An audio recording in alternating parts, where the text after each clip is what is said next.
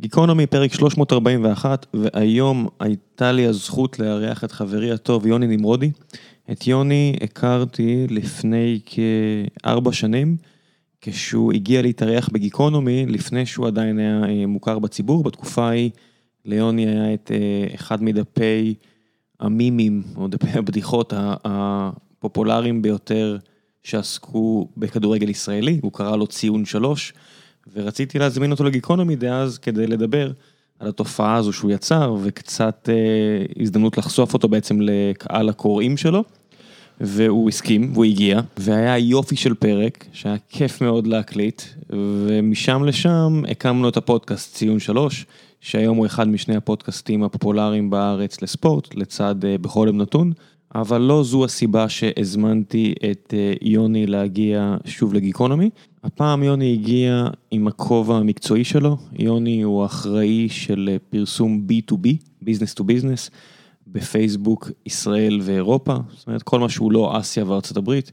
יוני מוביל את המחלקה הזו בגאון ובעצם עזר ביחד עם החבר'ה הטובים האחרים שעובדים איתו ליצור אותה כמעט יש מאין ולהפוך אותה ל...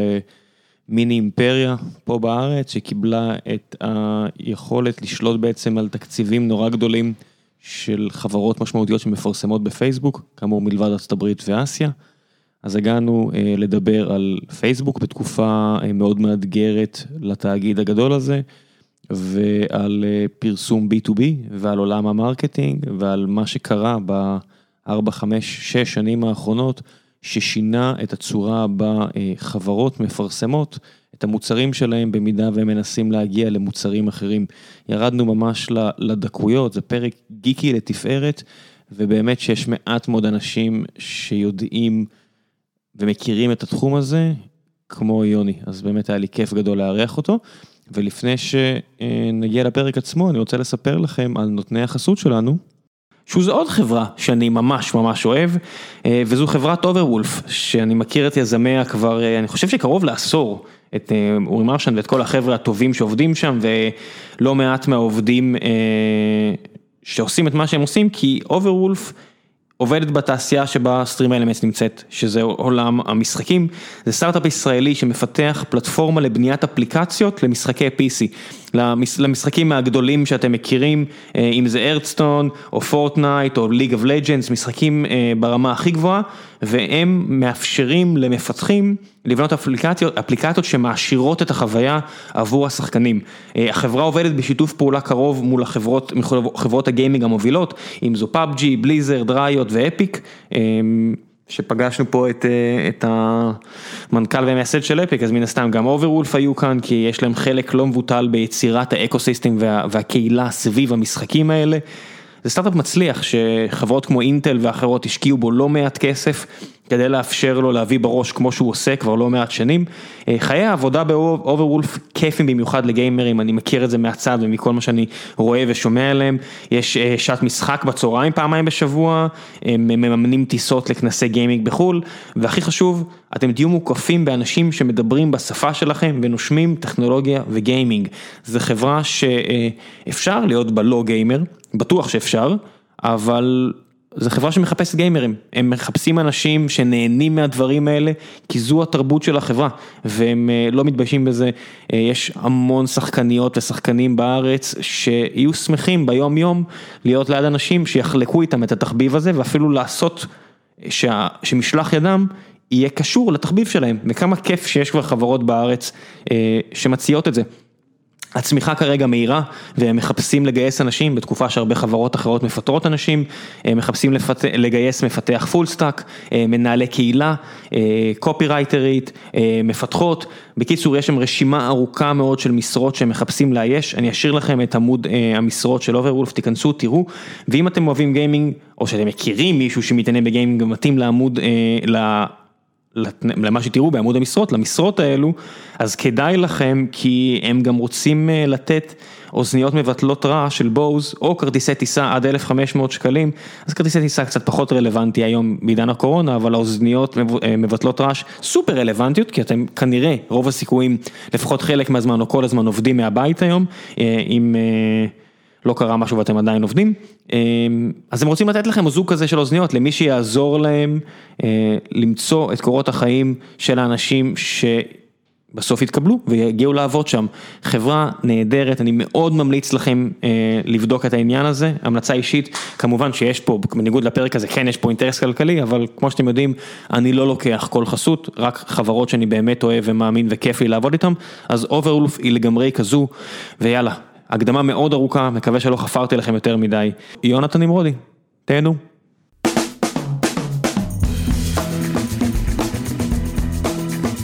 גיקונומי פרק 340, והיום, בפעם השנייה, מר יונתן נמרודי. למעשה זו הפעם השלישית שתדע, מכיוון שאני התארחתי פה לפני ארבע שנים כדי להקליט, ואז בפרק המאה של גיקונומי, אם אני לא טועה, עשיתם פרק live אתה ודורון. ואני אעשה לכם crashing לפרק. ואתה וענבל הגעתם שיכורים. בדיוק. הגענו, כן. הגענו שיכורים באמצע הלילה כדי להרוס את הפרק. כן.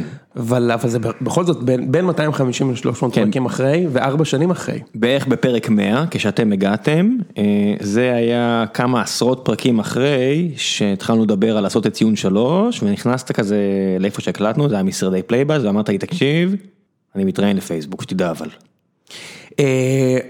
כן, בערך שבועיים שלושה אחרי שנפגשנו פעם ראשונה. אתה נכון. צודק, אתה צודק, כן, יוני 2016. וזה היה תהליך ארוך. כן. אני זוכר שלא היית סגור, האם יהיה לך טוב, כן. זה קורפרט ואתה... כן. איש כן. עסקים אה, של חברה של one man show, בדיוק, עם עוגייה, עם קוקי, אתה יודע, הרגשת מגניב. כן, ברור, הרגשתי שאני עושה למישהו טובה. שאתה, מתר... שאתה עושה טובה לקורפרט, שאתה מביא את רוח הנעורים שלך להתראה, אני זוכר שכאילו, כן. שדיברת איתי ואמרתי, וואו, זה בדיוק כמו ש... גיל, שגיל הירש, אה, זה היה בסוף הקדנציה שלו בפייסבוק, נכון. וארבע שנים לפני כן הוא קצת סיפר לי שפייסבוק קום נמכרה לפייסבוק והוא כמנכ"ל, אז הוא הצטרף, הוא גם קצת הרגיש ככה, ואז אתה מקבל את הכאפה הזו של אחד התאגידים הכי חזקים בעולם, ואתה אומר, וואו, לא יאמן שחשבתי כמו שחשבתי. שמע, זה, זה מה זה מדויק, ויש בלנס מאוד עדין, כשיש, אני בטוח שזה לא משהו שהומצא בפייסבוק, יש את זה בכל עולם התעסוקה, אבל אני מניח ששמעת על האימפוסטר סינדרום. מה זה שמעתי? יש לי קעקוע על הגב. יפה. אז לא משנה כמה skills אתה חושב שיש לך, כשאתה מצטרף לחברה גדולה, וגם אגב, אני לדעתי, זה לא ממש משנה באיזה תפקיד. אם זה תפקיד שהוא מה שנקרא individual contributor, זאת אומרת, אה, נקרא לזה מפקד שאינו קצין, אוקיי? כאילו הוא בן אדם שעובד בידיים ולא מנהל, נגיד לצורך העניין מתכנת או אה, אנליסט וכדומה. בדיוק או... ההבדל בין, החלוקה מאוד ברורה, יש ICs, individual contributor, מי שתורם מה skill set האישי שלו, לעומת מנהל, שני עמודים שונים בחברה כמו פייסבוק שעשו את ההפרדה הזו, מה שלא מספיק אה, מובחן בהרבה מקומות אחרים בארץ, אבל בפייסבוק זה מאוד ברור. או שאתה עושה, או שאתה מנהל אנשים שעושים, אין הבדל, אין, אין משהו אחר. נכון, לגמרי, ואגב זה, זה טרקים שונים לגמרי של career expectations, גולינג, הכל, הכל. והכי חשוב, שזה לא שאחד יותר טוב מהשני. בעיניי בטוח, ואתה כנראה, אתה צודק. לא, שמע, זה עניין של דעה, אבל... ג'וי שמחון שהוביל פה את ה... את האתר המקביל שלכם, של הפיתוח, יש איזה משהו כזה שנקרא ה-CTO Club, לא מדברים על זה יותר מדי, כי אנחנו מנסים לשמור על דיסקריטיות. פעם ניסיתי להשיג כניסה ל-CTO Club. מנסים לשמור, כן, אבל בכניסה יש סלקטורית שאין לך כזה של עטים בכניסה, אתה לא יכול להיכנס, אין לך גשר על השיניים בגיל 40, אתה לא יכול להיכנס. וג'וי ממש עבד קשה להפיץ את הבשורה הזו, כי היה חשוב לו ויסרלית לשפר את תרבות הפיתוח בארץ, של ההבנה הזו, ההבחנה ש... מנהל זה לא יותר טוב מהמפתח, לא בתנאים, אתה יודע, יש איזו שאיפה כזאת מיותרת בארץ, בגלל התרבות הצבאית, ההיררכית שלנו, של אני חייב להתקדם לניהול. כל כך נכון. לא אחי, אתה יכול לזוז הצידה ולנהל אם אתה מרגיש שאתה יותר טוב עם אנשים מאשר ב-IC, בתפקיד ה-IC שלך, אבל זה משהו שונה לגמרי. תקשיב, אנחנו אמנם מכירים, אבל את השיחה הזאת לדעתי אף פעם לא עשינו, ו-I couldn't agree more, ואני גם חושב שאתה נוגע בנקודה התרבותית הנכונה, ואני רואה את זה גם אצלנו. יש איזה, זאת אומרת, we, we hope to hire the best, אוקיי? וכולם, הרוב, הרוב המוחלט מצטרף כ individual contributor, אגב, כולל אותי, תכף ניגע בזה, הצטרפתי כ-IC.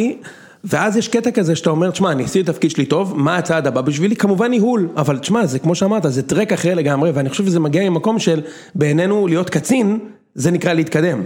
כן. אה, ולהיות מנהל זה סוג של קצין באיזשהו מקום, כן? כאילו, זאת אומרת, אתה איפשהו, אתה עובר מ- מהשכבה שלה למטה, של חבר'ה שמותר להם, אתה יודע, to trash stuff ולרכל ולדבר, למישהו שהוא צריך איפשהו to liaise בין management ללמטה, ואגב, זה, זה, זה לא פשוט לכולם לעשות זה. לא. אמ, אני עדיין מתמודד עם זה, אגב, כן? אמ, כי זה משהו אחר לגמרי. הבעיה שלי, שזה לא משהו שלא קיים בארץ. מה שאנחנו מדברים עליו, התרבות הזאת של כשאתה חפ"ש, אתה אה, שותה קפה שחור ומריץ צחוקים ואין לך אחריות, אה, ואתה פחות חשוב או טוב מהקצין, זה תרבות, בלי להעליב אף אחד, אל תצאו עליי, של גדודים בגולני.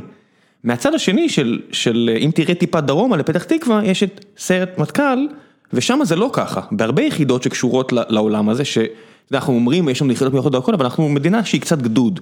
בסיירת מטכ"ל, אנשים יכולים להיות סגני אלופים, והם מובילים דברים, והם ICs, ויש להם את האחריות האישית הזו, להוביל פעילות משמעותית. נכון. וזה התרבות, אתה יודע, שאני מסתכל מהצד ואני הרבה שנים, אתה יודע, בגלל גיל חשוף להרבה דברים של פייסבוק ומנסה גם בסטרים אלמנטס לקחת את הטוב מפייסבוק, יש גם צדדים פחות טובים, אפשר אולי להגיע גם לזה, אבל לקחת את הטוב, ואני אומר כל הזמן, אני מכיר את הדברים האלה, ראיתי את זה במקומות אחרים, גם. רק שהתרבות בארץ נשענת הרבה יותר מדי על האתוס של השכונה. זה, שמע, זה, יש בזה הרבה, ואני בטח מסכים איתך שיש, תראה, יש people leader ויש professional leader. וזה לא בהכרח דברים שונים, יש אה, כמובן קווי דמיון, כי כשאתה professional leader אז אתה צריך אמ, איזשהו skill או שריר אמ, של יכולת להשפיע על תהליכים בלי שהם מדווחים אליך ישירות, כלומר בלי הדרגה. אוקיי, יש פה אלמנט שהוא leadership י, אבל יש הבדל ענק בין, בין professional leadership ל-people leadership, בעיניי זה מקצועות שונים, ואצלנו יש הרבה professional leaders, and we highly encourage it, כן, כאילו... מה זה הרבה? אתם מטפחים את זה, זאת אומרת, אתה אתה רואה את זה, כמה אתה היית על במה? לפני שנהיית אה, אה, אני, אני התחלתי, מנהל, אני הייתי פעם ראשונה על במה כשהייתי בפייסבוק שלושה חודשים, בבקשה. כן. שזה בדיוק מגיע למקום הזה שדורון תמיד אומר לי, כן. הוא רואה את זה, כל פעם הוא חוזר לארצות הברית, הוא, הוא אזרח, אש- אשתו אזרחית והוא כאילו כבר עם green card, אז הוא אומר לי, בארצות הברית מגיל צעיר, ילדים עומדים עושים show and tell. מלמדים אותם להראות ולדבר מול קהל. ובארץ זה לא נתפס כסקילס, זה נתפס כבונוס, למה הולכים לכנסים? להתמנגל, לאכול קצת, אין לך, אין לך, אתה לא מגיע לכנס עם יעדים כלשהם. כן, אין לך. אתה לא עובד על זה. ממש אתה, לא. אתה רואה אנשים טסים לכנס ואתה שואל אותם, תגיד, מה המטרות שלך בכנס הזה? לא יודע. ברור. אני חושב שאגב, תכף ניגע בזה, כן, אולי על השפעות של קורונה על מרקטינג, אני חושב שזה מהבלונים הגדולים ביותר שיש לנפצם. אני לא בטוח שרק בישראל כנסים אה, זה leisure לעובדים. אני לא מכיר תרבויות אחרות, זה לא לא. בטוח. אני לא יודע מה יש, אני, יודע על ישראל אבל. היית פעם בכנס בארצות הברית? הייתי בלא בלא מעט כנסים. איך הדבר הזה נראה? מספיק גרוע כדי שאני לא ארצה יותר להיות. כן, יש את האלה שלא נכנסים לאף session ופשוט מסתובבים בין ה booths כל היום. כן. ומנסים, אתה יודע, להכיר אנשים כדי שיהיה מה לעשות היום בערב ולצאת וכאלה ולעשות כיף. אני, אני, לי, לי קשה, לי נורא קשה עם הקלצ'ר הזה, אבל אני מבין את ה... את ה דווקא אני מבין את הערך הליז'ורלי בזה. בלהטיס צוות אה, לכנס, לרeinvent, לווגאס. לשלושה ארבעה ימים, לשמוע קצת הרצאות וזה, אני בספק אם, אם, אם זה ה-ROI פוזיטיב, כן? אה, בטווח זה- הקצר. וזהו, ואני שוב, פעם אחרונה אני מקווה, אה, כי הוא לא אוהב שאני עושה את זה תמיד, אבל גיל, שיש לנו פה, אתה יודע, יש נגיד כנס, טוויצ'קון או דברים כאלה, גיל תמיד היה שם אותנו על הגריל, אומר, מה המטרה? יפה, הוא צודק. תגיד לי, מה, מה אתה הולך להשיג בזה? אחלה גריל. יש לך רשימה של אנשים שאתה רוצה לפגוש? מה ההכנה? הוא אמר, שתבין שכנס אתה צריך לעבוד בשבילו, זה חודש מראש, נכון. אתה עושה הכנה, אתה יודע מי אתה הולך לפגוש, אתה יצרת איתו קשר בלינקדאין מראש, הוא יודע שאתה הולך לפגוש אותו, יש לך אג'נדה ברורה לפגישה, וזה כל כך מתיש, אתה אומר, נכון, זה fuck, מתיש. יש דרך יותר טובה לעשות את זה מאשר הכנס הזה כנראה, הוא אומר יופי, אז כנראה שאתה לא צריך לטוס. נכון, הוא צודק, אני מסכים. ברור שהוא צודק. אני מסכים, גיל, לגמרי. אה, בכל מקרה, כן, אז, אז באמת זה היה לפני ארבע שנים, ו, ואני חושב שבצוות הישראלי, למעט עדי, שהיא ה-GM שלנו, וניר, שהוא אה, אה, סמנכ"ל של יחידה עסקית, כולנו, גם הדרג שהיום הוא דרג מנהל, כולנו הצטרפנו כ-ICs, ו... ומתישהו הייתה לנו את האפשרות אה, להתפתח לכיוון של people leadership ועברנו בשביל זה טרנינג של שנה. כי לא היה מספיק אנשים, זאת אומרת, כשאני הייתי מבקר אותך, היינו מקליטים את סיזן שלוש בהתחלה במשרדי פייסבוק. נכון. מה, שם איזה 15 אנשים? נכון. בחלק שלכם של זה המשרד? לא שהיום אנחנו מאות אנשים, כן? שאנחנו בערך 60 או 70 אנשים בביזנס. בסדר, אבל הרחבתם את האחריות לעוד יבשת. אמת, אצ- אצלי, זה נכון.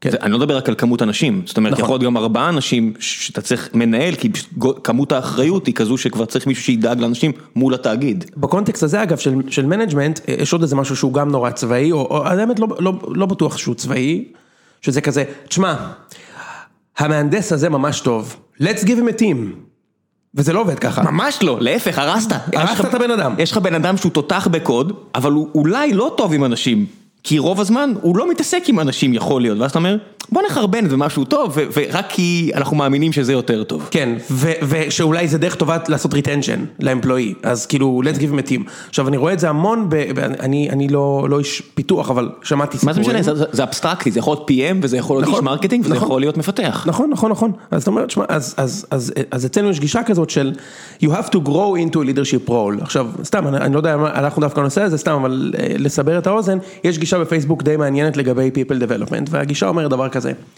אם אתה רוצה להיות בתפקיד מסוים, אתה תעשה את התפקיד הזה בצורה יזומה, פרואקטיבית מהצד שלך, לפני שאתה תקבל את הדרגות, אתה תהיה מקובל על הפירס שלך, שיש לך את האותוריטי המקצועי, ואז אולי אנחנו ניתן לך את הדרגה, אוקיי? זאת אומרת, עכשיו זה לא קשור רק ל-people leadership, ממש לא. לצורך העניין, אה, אה, מישהי שעובד בצוות איתי, אה, אילנה, היא בחורה סופר חריפה, תואר שני בסטטיסטיקה, הגיעה לנו כזה fresh out of school, והיא מה שנקרא Client Solutions Manager, אנליסטית שעובדת עם מפרסמים, והיא נורא אוהבת את הקטע של attribution, אוקיי?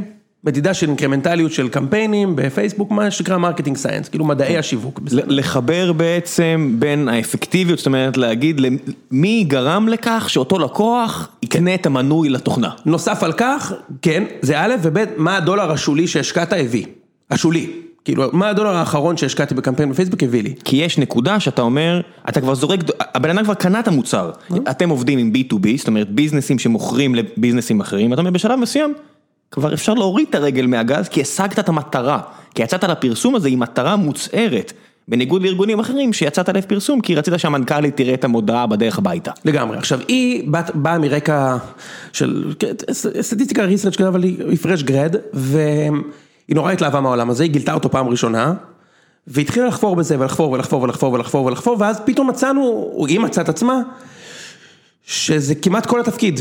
מה שהיא עושה זה עובדת עם מפרסמים ענקיים, ביניהם חברינו הטובים Monday, על, על זה, על קליברציה של מודל attribution, incrementality testing וכדומה, ואז אנחנו הגענו למסקנה שבואנה, יש פה תפקיד אחר. היא המציאה תפקיד אחר, היא כבר לא אה, Client Solutions Manager, היא measurement Client Solutions Manager, ולכן היא היום ה champion של הדבר הזה אצלנו, אבל זה הגדרה של בן אדם שהיא לא באה וביקשה את זה אף פעם, היא פשוט עשתה את זה. יצרה תפקיד. יצרה את הרול, ואז היא הייתה הרול. עכשיו, זה- לדעתי זו גישה אדירה, כן, ב-people development, כי אתה בעצם מבקש מהבן אדם לקחת ownership על ה-career path שלו. וזה משהו ש, שקשה להרבה אנשים לעשות, כי זה מכריח אותם להתמודד עם שאלות קשות, הרבה פעמים, אתה מבין מה אני מתכוון? בוודאי. כי, כי שוב, אם אתה מגיע ממקום של שכונה, אז מישהו אחר אחראי עליך, האחריות על הקריירה שלך, על החיים שלך, על הבריאות שלך, הכל, מישהו אחר. המדינה, המנהל שלי, בת. הזוג שלי, ההורים שלי, לא יודע מה, זה אף פעם לא אתה. נכון. ובמקרה הזה, אה, בתאגיד שהוא, יש סיבה שהוא הגיע מבן אדם במוסך, או בקולג' לחברה של 700 מיליארד דולר, שחצי עולם, אה, אתה יודע, יש לו grievances עליה, או לחילופין חייב להם את החברה שלו, אה, זה מה שקורה, שאת החברה של כמעט טריליון דולר, yep. אה, הם פיצחו פה משהו, לא מעט דברים, וזה מדהים כמה, אפילו הקיום הזה של product manager, שזה אחד התפקידים הכי חשובים בפייסבוק, נכון. הכי יוקרתיים בפייסבוק. מה שנקרא PM, ש... איך שאני מכיר את זה, לפני פייסבוק זה היה משהו אחר. נכון. פייסבוק יצרה הרבה מהתפקיד הזה, שלא לדבר על כל העולם שלך, שפייסבוק יצ... סוג של יצרה אותו. אצל B2B אתה מתכוון? לא, או- או- marketing. או marketing, לגמרי, אז בוא עזוב, נדבר על זה. אז בוא נגיע לזה, כי הר- למה הפרק הזה נוצר? אז אתה יודע, רשמתי בפורום החיים עצמם של גיקונומי, שהפרק הזה נוצר בגלל שיש לאחרונה הרבה רעש של פייסבוק, ואירחתי את רולניק שלוש פעמים, והוא יש לו, להגיד בטן מלאה על פייסבוק זה- זה understatement וזה הרבה מעבר, אבל, ואמרתי אני רוצה להביא מישהו מאצלכם שייתן קונטרה, אבל האמת היא שאנחנו מדברים על הפרק הזה כבר כמה שנים, כי יש לנו איזה קבוצת וואטסאפ אה, שלי ושלך, אני קורא לזה קבוצה כי זה הנושאים אה, רחבים, ולא רק אה, ערוץ, אבל אה, אתה כל הזמן מביא לי דוגמאות אה, לעולם השיווק ומראה לי איך מה שאתם עשיתם שינה אותו מקצה לקצה. ואתה מראה לי איך, בסך הכל אתם הגעתם, זאת אומרת לרמה שאתם משחקים ברמת ה-NBA, ויש אנשים שמשחקים בגוגואים. זה, זה אפילו לא, זה אפילו לא כדורסל בשכונה, זאת אומרת, המצאתם את המשחק מחדש. אה, כן, בוודאי את העולם שהוא נקרא לו Demand Generation, אוקיי? זאת אומרת, יש כמובן את, יש את גוגל, כן? שגוגל המציאו את הקטגוריה של Intent Harvesting, זאת אומרת... בוא, בוא תפרק, זאת אומרת, כשאני פעם ראשונה שמעתי על זה, זה פיצץ לי את השכל. מה, מה זה בכלל אומר intent ואיך זה מתחבר לעולם של marketing? אוקיי, גוגל יושב על, אה, יושבת על משהו מאוד מאוד ב core של איפה שאנשים משלמים, שזה בהגדרה intent, או בתרגום לעברית, אה, כוונה. כוונה. כוונה, בסדר. לצורך העניין, בן אדם שיש לו פאנצ'ר, מחפש פאנצ'ריה באינטרנט וכותב פאנצ'ריה תל אביב, אם, אה, אם תקפוץ לו, או משהו אורגני אגב כמובן, או פרסומת שאומרת, הפאנצ'ריה של, אה, של, של חגי, במרחק שלושה קילומטרים ממך, לחץ כאן ויקבע תור, הוא ילחץ ויקבע תור, גוגל בעצם will monetize את הכוונה של הבן אדם הזה להמיר. כי הוא יודע מה הוא רוצה והוא רוצה את זה עכשיו. נכון, הוא יודע מה הוא רוצה, הוא רוצה את זה עכשיו. עכשיו, תקח את זה לעולמות שבהם הטרנזקציה שווה הרבה כסף. שם יש הרבה כסף, אולי במוסך פחות, ביטוח, טיסות לחו"ל.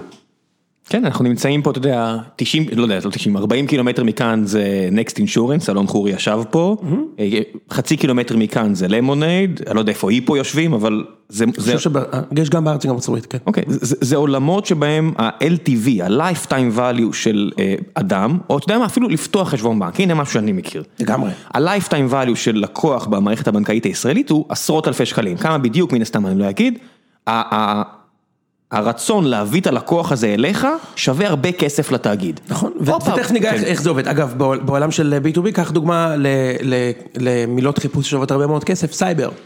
אני עכשיו אה, Head of Brand באיזה brand אמריקאי גדול, ויש לי, יש עתק, עתק, יש לי, גילו איזה vulnerability ואני רוצה איזה פתרון pen testing, לא יודע, משהו.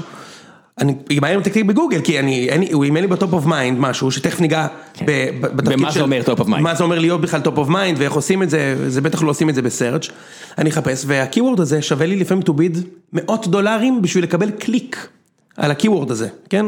מכיוון שאני מניח ששיעור ההמרה, או כמו שאמרת, ה-LTV, לא שאני חושב שזה כזה מונח כיפי, אבל ה-LTV הוא כזה שמצדיק את ה- את ה bid, בסדר?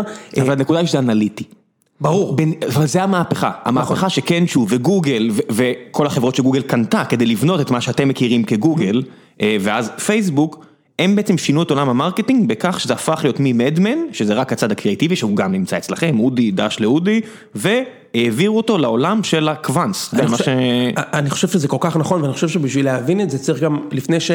קודם כל, אנחנו עוד לא סיימנו לדבר על גוגל, ואז צריך להשוות את זה כן. מאוד דימנד, ואני גם אשמח שנדבר על ההפרדה, אתה, אתה אמרת ודייקת, וגם ראיתי אתמול מה כתבת בצוויצר, יש להפריד בין פעילות שהיא brand ופעילות שהיא performance. אז חכה, נגיע לזה. אבל בואו לא. נגיע, נחזור בחזרה לגוגל, אמצע שנות האלפיים, גוגל כבר יש את המנוע חיפוש, והם מתחילים לבנות בעצם את המכונת marketing הגדולה, הכי גדולה שהעולם אי פעם ראה. לגמרי, סרט שעדיין, אה, אני חושב שה... יותר גדולה מפייסבוק. סרט יותר גדול כן. מפייסבוק, ואני חושב בסדר גודל. לא. פייסבוק זה 70 מיליארד נכון. דולר הכנסות בשנה, נכון. גוגל זה לא 700. אני לא, סדר גודל זה לא אומר אה, פי זה עשרה, נכון?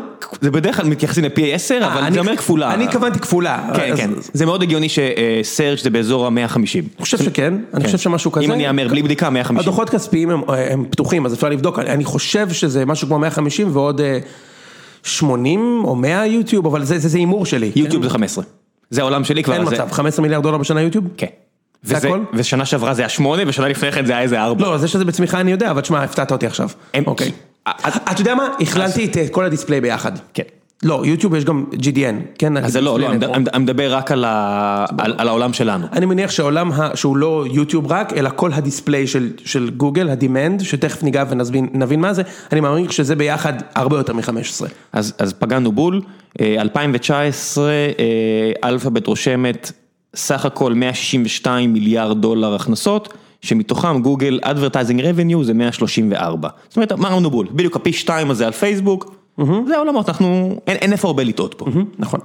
אמ, אז, אז באיזה קוד, אז חזרנו גוגל מציעה את המכונה הזו שכן לגמרי ברור והמכונה אגב היא מ-day one פרפורמנס, תחשוב על זה רגע, כשבן אדם אה, אה, מחפש עכשיו חופשה rent a home, to buy a home, ביטוח, and all that jazz, משחק, יכול להיות כל דבר, אני שם ביד, אני יודע לחבר תיאורטית או, או בצורה די, די פשוטה, קלה, את המחיר שאני מוכן לשלם להמרה אצלי באתר, כי בדרך כלל האינטנט הוא כל כך גבוה, שיש סיכוי שעוד באותה הקלקה כבר יהיה איזשהו סיגנל שמעיד על, על רכישה, אוקיי? ולכן נורא קל גם to attribute, אוקיי? לתת קרדיט לצ'אנל הזה של search, בגלל שהוא נורא מיידי. הוא. בניגוד אגב לכשאתה עושה פעילות ברנד או demand generation שנורא קשה לי לבוא ולומר האם האנשים קנו יותר קולה בגלל ששמתי פרסומת מעל הפיצוצייה או בגלל ששמתי פרסומת בקולנוע. כן, אז- נורא קשה לחבר, בסרצ' אין לי את הקושי הזה, כן. או יש אותו אבל הוא הרבה, הרבה יותר נמוך, הסיכון הרבה יותר נמוך מאחר שהפעולה היא כל כך קרובה לרכישה, זה כמו שבן אדם נכנס לסופר, אוקיי? זה כמעט כמו שבן אדם נכנס לסופר, או נכנס לקניון, אוקיי? הוא כבר פה, he's, he's in market, מה אז שנקרא. בואו רק נפרש, אה, אנחנו מדברים פה בעצם על שני החלקים של עולם השיווק המודרני, brand awareness ו performance marketing, שני החלקים של, של העולם הענק הזה שבו אתה אה, נמצא, ו brand awareness אומר שאתם נגיד עושים פרסומת בסופרבול, כמו שאמרת, וויקס, קוקה קולה, עכשיו המפרסמים צריכים להבין האם הדולר או חמישה מיליון דולר שהם שמו על חצי דקה בסופרבול, בכלל הייתה שווה את זה. כן. ורק כדי להבין, הם עושים brand lift וכל מיני עולם, מושגים מהעולם הזה של brand awareness, שזה הרבה הרבה יותר מורכב ויש הרבה יותר מקום לנפנף ידיים, כמו שאנחנו אומרים, בניגוד למה שאתה עושה, performance marketing, לא רק, אבל... אני רק. בסדר, אני אומר, אני לא מבין, לא- לא לא. פייסבוק, לא פייסבוק, אה, אוקיי, אה, אוקיי, אה. מה שאתם עושים, אז אתה עושה performance marketing, שבו אתה יכול להגיד בוודאות, הדולר הזה ששמת, הביא שישה לקוחות. כן. אין מסתורין. נכון, ברמת ביטחון כזו וכזו. אגב, איפה נוצרת הבעיה במה שאמרתי קודם, כשאמרתי, אני אחזור דקה אחורה, אמרתי, נורא קל לשייך את הקליקים שמגיעים מ-search להמרות באתר שלך, באתר האי-קומרס שלך לצורך העניין, מאחר שאתה יודע, בן אדם הקליק, קנה. איפה נוצרת הבעיה? נוצרת בעיה ענקית כאשר אני לא יודע מה הסיבה שהוא בכלל חיפש אותי. אתה מבין? זאת אומרת, אם בן אדם כתב סטרים אלמנטס בגוגל ובא וקנה, אתה יכול להגיד, אם אתה נאיבי, אתה מסתכל ואתה אומר, אה, זה מ search וואו, אנחנו מה זה טובים בגוגל search, הוא חיפש StreamElements. כן. רגע, שנייה, שנייה, שנייה. למה הוא חיפש StreamElements בכלל? הרי אין תיאוריה שהוא ידע מה זה StreamElements לפני שהוא חיפש, אם הוא לא ראה אותך איפשהו. או, או בעולם הפיזי או בעולם האונלייני. איך the fuck אני יודע שהבן אדם נחשף אה, למודעה שלי איפשהו באינטרנט, ובסוף הגיע והמיר בסרצ' ואז חברות שמסתכלות רק על הסיטואציה הזו, רק על נקרא לזה הטאצ' פוינט האחרון לפני רכישה, יש להם בעיית צמיחה. מכיוון שהם לא יודעים איפה מתחיל המסע, אין להם שם שם מושג, הם, רק יודעים הם לקצור. בערפל. הם, הם, כל מה שהם, הרבה ממה שהם עושים הוא אקראי ורנדומי ומלא נפנופי ידיים. נכון יושב. לך איזשהו CMO, Chief Marketing Officer, ומספר למנכ"ל מעשיות וסיפורים, והאמת היא שאין שום אדם מאחורי הקלעים. ככה עולם הפרסום וה marketing עבד עשרות שנים, יש הרבה skillset שהיה מובן- מבוסס על אינטואיציות, נכון. והרבה פעמים אינטואיציות אחרי הרבה שנים, הם אה, proxy או אינדיקטור טוב לידע אמיתי, אבל הם לא ידע אמיתי, הם, בקירוב ל. נכון. ואתה תקוע. זאת אומרת, הרבה פעמים פתאום המכונה מפסיקה לעבוד, ואתה לא יודע מה אין לעשות. לך שמץ של מושג מה קורה, אתה צודק, זה קורה המון פעמים אגב, אתה, אתה, אתה, אתה מדבר על העולם של פעם, אני לא מכיר את העולם הזה, אני מכיר אותו מהסדרות והסרטים ולשמוע, מ- אתה יודע, מזוגתי ש- שעבדה שם לפני איקס שנים. אז אני ני- native בתוך עולם שמודד, בסדר? אמ, ועדיין, אגב, זה עדיין לא קל, זה קשה. בטח. קשה מאוד לעשות את זה, זאת אומרת, גם לקצור demand, שאין לך מושג מאיפה הקליקים הגיעו, זה קשה להגיע למצב שאתה, שאתה אפילו קרוב, כי הרבה פעמים כשאתה ב scale ענק, זה יכול, להיות המון touch point ים שהביאו, אז ופייסבוק תסביר שנייה מה זה מדברות touch point, ביניהם. תסביר, שאתה מונה touch point, שאמרת זה ה touch point האחרון או כאלה, אז תסביר בעצם את התיאוריה של multiple touch points. אוקיי, קודם כל בוא נדבר רגע על, על, אנחנו חייבים לדבר על, על, על ההופכי של intent harvesting, כאילו אנחנו חייבים לדבר על, קודם כל על demand gen, ואז אז בוא נסגור את. הסוגריים, אז היינו בגוגל, אמצע שנות האלפיים, הם ממציאים את מה שנקרא, אה, מה שנקרא intent, אה, זה מגיע או ב-SEO, נכון. בעצם search engine optimization, בעצם אתם מקלידים לא StreamElements אלא סטרימינג או משהו, ו-StreamElements תופיע בצורה אורגנית, אני עושה פה במרכאות, כי יש הרבה עבודה אנליטית גם פה, ראשונה בתור, או גיליתי StreamElements, זה אפשרות אחת. אפשרות שנייה זה הפרסום, השליש מסך בצד שמאל שאתם מכירים בגוגל, או לא יודע איפה זה היום, או איפה אתם נמצאים, ומרק צוקרברג ממציא את אה, פייסבוק, או מ- מייסד את פייסבוק כמה שנים לאחר מכן, 2007, 2008, וכמה שנים לאחר מכן... מתחילים מוניטיזציה כן. ב-2010 לחברה שהוקמה ב-2003, במקור desktop only, 100% desktop בפייסבוק, מודעות בצד ימין, אה, לא יודע אם אתם זוכרים, אה, כן, ואתה יכול לעשות אופטימיזציה, תגיד, אני רוצה קליקים, אינטרנט כזה, כאילו של פעם נורא, אה, וממציאים את זה. ואחלה תרגות. אנשים עשו לייקים להמון דברים, אנשים היו בכל מיני גרופס, כל מיני קוזז, והיה אפשר לעשות אה, תרגות כזה וכזה. אמ, מתישהו מרק, צריך לומר, לקח החלטה פיבוטלית לחברה והוא הפך את החברה לחברה שהיא מובייל פרסט ואז הומצאה קטגוריה מדהימה בפני עצמה שזה mobile advertising בכלל, אוקיי? אמ, הקרוסלה הזכורה לטובה. בהחלט. אתם גולשים בפיד ופתאום יש לכם קרוסלה ימינה שמאלה, תורידו משחק, תורידו, אה, תקנו בגד, לא יודע מה. רק בשביל לסבר את אוזניכם, כן? אני הייתי beta user של Facebook Ads בעבודה הראשונה שלי ב-2010 וזה היה 100% desktop. היום אתה יכול לנחש כמה, מה ההסתברות שלך להגיש מודעה ב desktop בפייסבוק או במילים אחרות, מה אחוז התעבורה ב desktop בפייסבוק בימים שהם לא קורונה? 20? לא, פחות או יותר. 7 אחוז. 7 אחוז, אוקיי. בימים של הקורונה עלינו קצת. כי אנשים בבית. עבדו מהבית. כן, אנשים מהבית. 7 אחוז probability, כלומר, אז קודם כל, אם פייסבוק הייתה נשארת חברה שמכוונת לאזור ה desktop, החברה הזו הייתה היום מתה. לא לא רק 50 ולא 500 הייתה מיליארד. שווה לדעתי הרבה פחות, ו...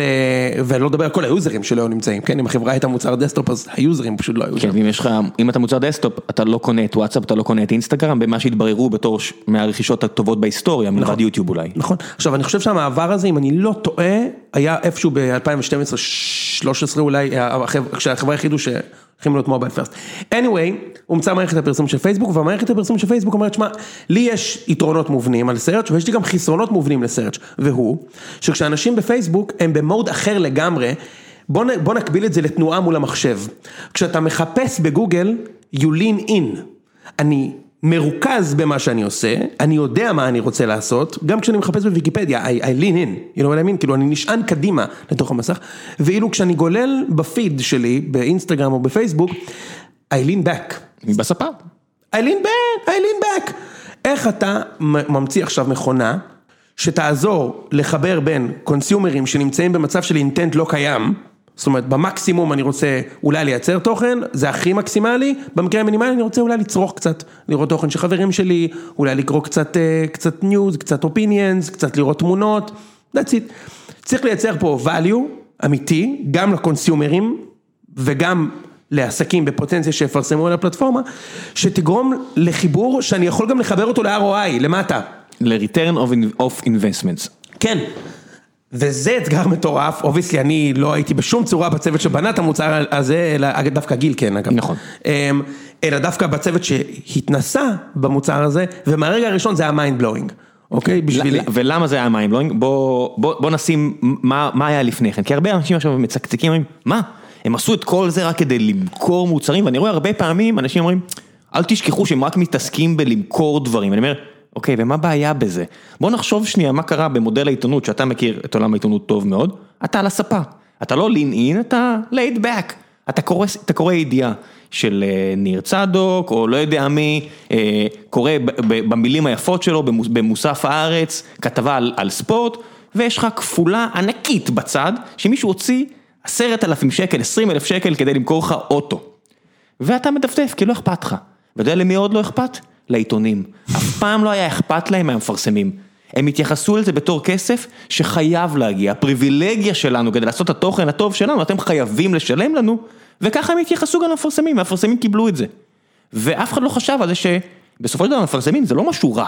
זה שמוכרים מוצרים, קפיטליזם מרושע וידה ידה ידה בסדר, זה מה שמניע, זה מה ששיפר פה את איכות החיים בצורה יוצאת דופן עבור רוב העולם הערבי, וחוסר הכבוד הזה לעשייה, העיתונים בחיים לא חשבו על לנסות לשפר את זה. נכון. אז בהתחלה הם איבדו את המודעות הקטנות האלה, את הקלאסיפיידס, הגיעו קרגליסט והגיעו לבוקווה ויד שתיים, ובכל העולם יש את האינקאמנט, המתחרה הגדול שלו, שלקח את המודל העסקי הזה מהעיתונים, ואז הגיע פייסבוק.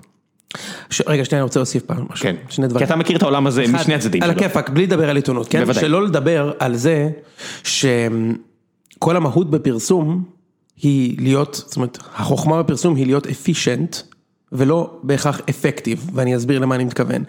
אוקיי? אם אה, אתה שם פרסומת, פרסומת ללונה פארק תל אביב, ואתה שם אותה באילת. זה אפקטיבי, זה יביא אנשים ללונה פארק, אבל זה לא אפישנט, זה לא יעיל לשים פרסומת. זה אולי יביא שלושה אנשים ל... כן, זה, יביא, זה, זה אפקטיבי, זה יביא אנשים, אבל זה לא יעיל, נכון? זה לא שימוש טוב בכסף. ולכן, כבר בעולם השל, שלטי החוצות, שגם אותו אני אגב מכיר, וגם בעולם העיתונות, אמרו, תשמע, בוא תתאים את המסר שלך למדיום הנכון. וזה בין היתר מה שאפשר לעשות בפייסבוק. לצערי, כי רב, החברה נתונה לביקורת גדולה סביב זה, ואני מבין אותה ואפשר לדבר עליה אם תרצה. נגיע בסוף. אבל בגדול, כל הרעיון ב advertising is to, סליחה, אני אתרגם לעברית, הוא, לקבוע, הוא לפגוע בדמוגרפיה שלך, בקהל היעד שלך, במקום הנכון ובזמן הנכון. זו היעילות האמיתית. פה נוצר ערך לא רק לפייסבוק. פייסבוק נהנית מה value אבל מי באמת מקבל את הערך? אחד. האימא או האבא שמחפש בילוי לילדים שלו בשבת ורוצה לקחת אותם ללונה פארק, אז הילדים קיבלו value, וגם הלונה פארק קיבל value. economic growth, that's great. עכשיו עוד דבר, עוד דבר מעניין שגיליתי, אגב, אפרופו, אה, דיברת על פרסומות בעיתון, אז אתה יודע, אני, אני כמובן, גם אתה יודע את זה, שככל שבחרת במיקום אחר בעיתון, יכולת גם לשלם בצורה אחרת. זה גם מהפכה של האינטרנט, כן? אמ, פעם היית צריך לעשות negotiation מול אה, העיתון, לצורך העניין אה, דיברת על, על דה מרקר, אז דה מרקר על הכיפאק זה יכול להיות ידיעות, מעריב, מה שתרצה. שמע, אני רוצה את הכפולה, לא, אני רוצה באנר למעלה. אוקיי, מעולה, זה יעלה עשרת אלפים שקל. למה? ככה, הרידרשיפ שלנו ביום שישי הוא 70 אלף, אה, אין לך שום אינדיקציה. אין לך בורסה מול המפרסמים האחרים, זה אתה מול הבן אדם שיושב על הכיסא ומנסה למקסם את הרווח של העיתון מולך. נכון. אם הוא יתפוס אותך ביום טוב, הוא יקבל יותר, אם הוא יתפוס אותך ביום רע, הוא יקבל פחות. נכון. זה עכשיו- הכל. עכשיו, גם, אגב, גם במערכת של, אה, שהיא בורסה, אפשר לתפוס יום רע ויום טוב. אפשר, אבל ה- המערכת היא הרבה יותר שוויונית. בדיוק, יפה.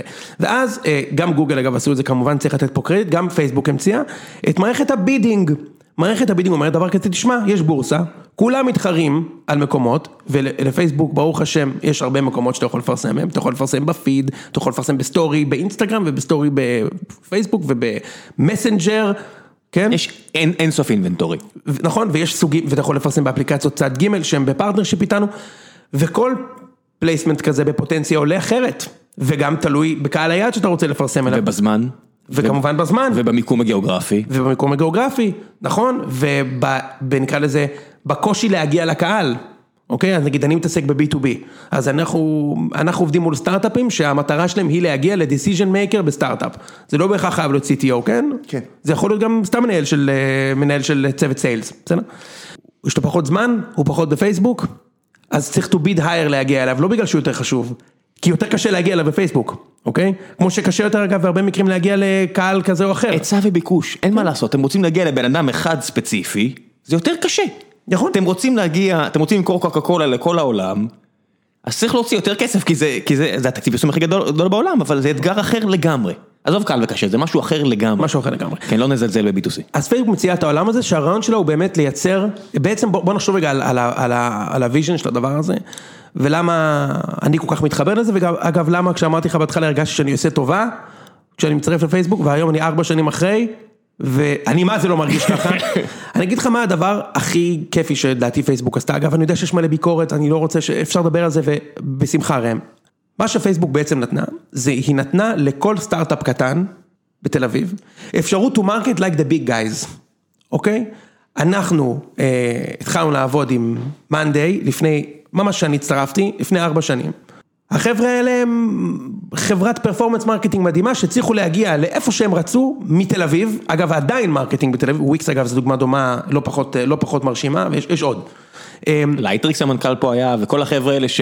שאתה אומר, המחשבה שחברה של שלושה אקדמאים ב- בק- ליד ירושלים, תצליח למכור לכל העולם, בלי משרד מפונפן בניו יורק, בלי לאבד, בלי שימכרו מהם ערך, בלי לגייס איש מכירות אחד. בלי לגייס אנשים שרק מסבנים אותם, בלי בעצם, המכונה הרבה יותר יעילה.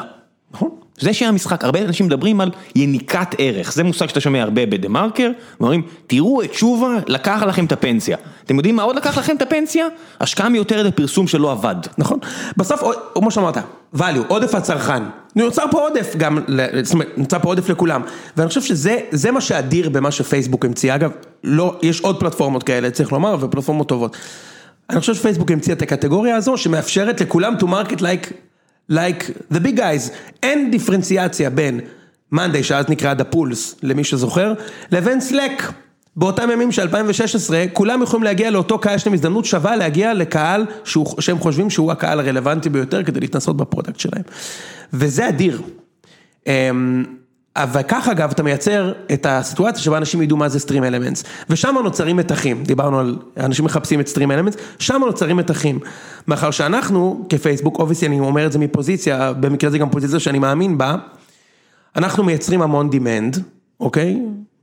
וה demand הזה בהרבה מקרים ייקצר על, באמצעות ישירות מהפלטפורמה שלנו, כלומר לצורך העניין בן אדם ייחשף למודעה ב story, באינסטגרם, will swipe up and will sign up. אבל בהרבה מאוד מהמקרים, ב... אני לא יכול להגיד לך בזה, אבל בעשרות אחוזים יותר, הבן אדם לא יקנה באותה שנייה. לא, זה היה ה touch point הראשון, יכול להיות שהוא נחשף בפעם הראשונה, נכון, למוצר הביטוחי הזה, נכון, או למוצר ה cyber security ההוא, ורק בפעם השביעית או השמינית שהוא יראה את זה בכנס, אחרי שהוא כבר ראה את זה ב story, ואז הוא ראה את זה בפיד. מה הוא יעשה? ואז הוא יקנה, והכסף ילך לגוגל. תראה, הכסף הולך אלינו כשהוא נחשף כן, בכל נכון, מקרה. נכון, אבל השאלה היא, השאלה היא איך אתה מצמיח, הרי... כן. איפה אתה יודע איפה לשים את השקל הבא? ברור, השאלה היא תמיד growth, כן? שזה אגב מה שאנחנו עושים, זה תמיד צמיחה. זה לא, בעיניי זה לא, אין בזה חוכמה גדולה אם אתה בונה מכונה שאתה לא יכול לעשות את הסקייל. אם אתה מוציא מלא מלא כסף בפרסום, ואז אתה נותן את כל הקרדיט שלך לאינטנט, כאילו, אז אתה לא צומח, מתישהו זה נגמר, אתה, אתה מגיע לסטורציה ואתה לא יודע איפה לשים את השקל הבא. לא תחשבו על, בדרך כלל משתמשים בדימוי של אה, דלי עם חור, אם יש לכם בעיה במוצר, אם אתם לא יודעים בכלל איך אה, לשמר את הלקוחות האלה, אתה שופך מים, מביא את הכסף למרק ולכם, ו... אה, זה נוזל מהדלי, נכון, הדלי תמיד נראה מלא, עד שאתה מפסיק להכניס לו מים, נכון. ואז הוא מתרוקן. ואז יש leaking bucket, נכון, כן. נכון. ו... והעבודה של סטארט-אפ אגב היא באמת לסתום את ה leaking bucket, אז זה קשה לעשות, אמ, במיוחד ב SaaS, ו... ויש הרבה דרכים להסתכל על זה, אז יש, יש חברות שמסתכלות על money in money out. אומרים דבר כזה, תשמע, זה נכון, אני לא יודע, כי אני משקיע בטבולה ובפייסבוק ובאוטברן, אני לא רוצה לפספס אף אחד, וביוטיוב, וכולם פלטפורמות על הכיפאק, ובסרצ' אני נותן את כל הקרדיט לסרצ' כי, או את רוב הקרדיט כמובן, לא את הכל, בגלל שזה ה-last touch לפני שבן אדם ממיר, וזה מה שאני רואה, אבל אני גם מסתכל על money in money out, זאת אומרת, כללית השקעתי בחודש הזה שלושה מיליון דולר, הכנסתי שלושה נקודה שלושה, אוקיי, משהו פה עובד יעיל, אני יכול להמשיך, אוקיי, יש הרבה חברות שצומחות ככה, אתה תתפלא. אני לא. זה, ברור שזה לא הדרך, ברור שזה לא הדרך, אבל אתה, אני לא רוצה כאילו להישמע... חלק מהן רוצות לא להנפיק ש... וחלק מהן הנפיקו. יפה, אני לא רוצה לנסות, אה, אני לא רוצה כאילו מדי... להסגיר את החיוך, כי, כי אני מכיר חלק מהחברות האלה ברמה האישית וגם אני קורא עליהן, ויש הרבה חברות שצומחות ככה, ויש חברות שאומרות דבר כזה, אני בונה מודל קרדיט שהוא אין, אין מאה אחוז, כן? עד סטייה של עשרה אחוז. עם זה אני יכול לחיות. כלומר, אני יודע שאם הוצאתי מיליון דולר בפייסבוק בחודש האחרון, ופייסבוק attributes, פייסבוק טוענת שהמיליון דולר האלה הביאו לי מיליון נקודה ארבע ב revenues, אבל המודל שלי רואה רק מיליון נקודה שתיים חמש, אני אחיה עם זה, אני אקח מיליון שתיים חמש, את הפייסבוק שימשיכו לטעון מה שהם רוצים, או אולי אפשר לתקן את זה, אבל סטייה של עשרה אחוז פחות או יותר. ממה שהפלטפורמה אומרת, אפשר להגיע לרמת דיוק כזו, אגב, כן. זה יחס שנקרא return on ad spend, רועס, נכון. והחינוך שוק, זאת אומרת, אם לפני עשר שנים הייתי עושה מה שאנחנו עושים בסטרים אלמנטס, הייתי יכול לנפנף את הידיים כל כך גבוה, הייתי עף לשמיים. היום אתה בא לחברה ואומר לה, יש לי פתרון מדיה עבורכם, אומרים, אוקיי, מה הרועס שלך? מה זה שלך? מה זה שלך? מה הקק? מה פה? מה שם? זה הכל חינוך שוק, נכון. שנולד, כי לאנשים יש כוח. כי אנשים אה, ראו בפייסבוק וגוגל מה הכוח של של אה, מדיה מטורגטת ומה הכוח של מכונת marketing שוויונית וטובה. אמת, ואגב הדרך שבה עושים את זה ומודדים מה השקל האחרון שווה היא באמצעות מתודה די פשוטה של של lift, אוקיי?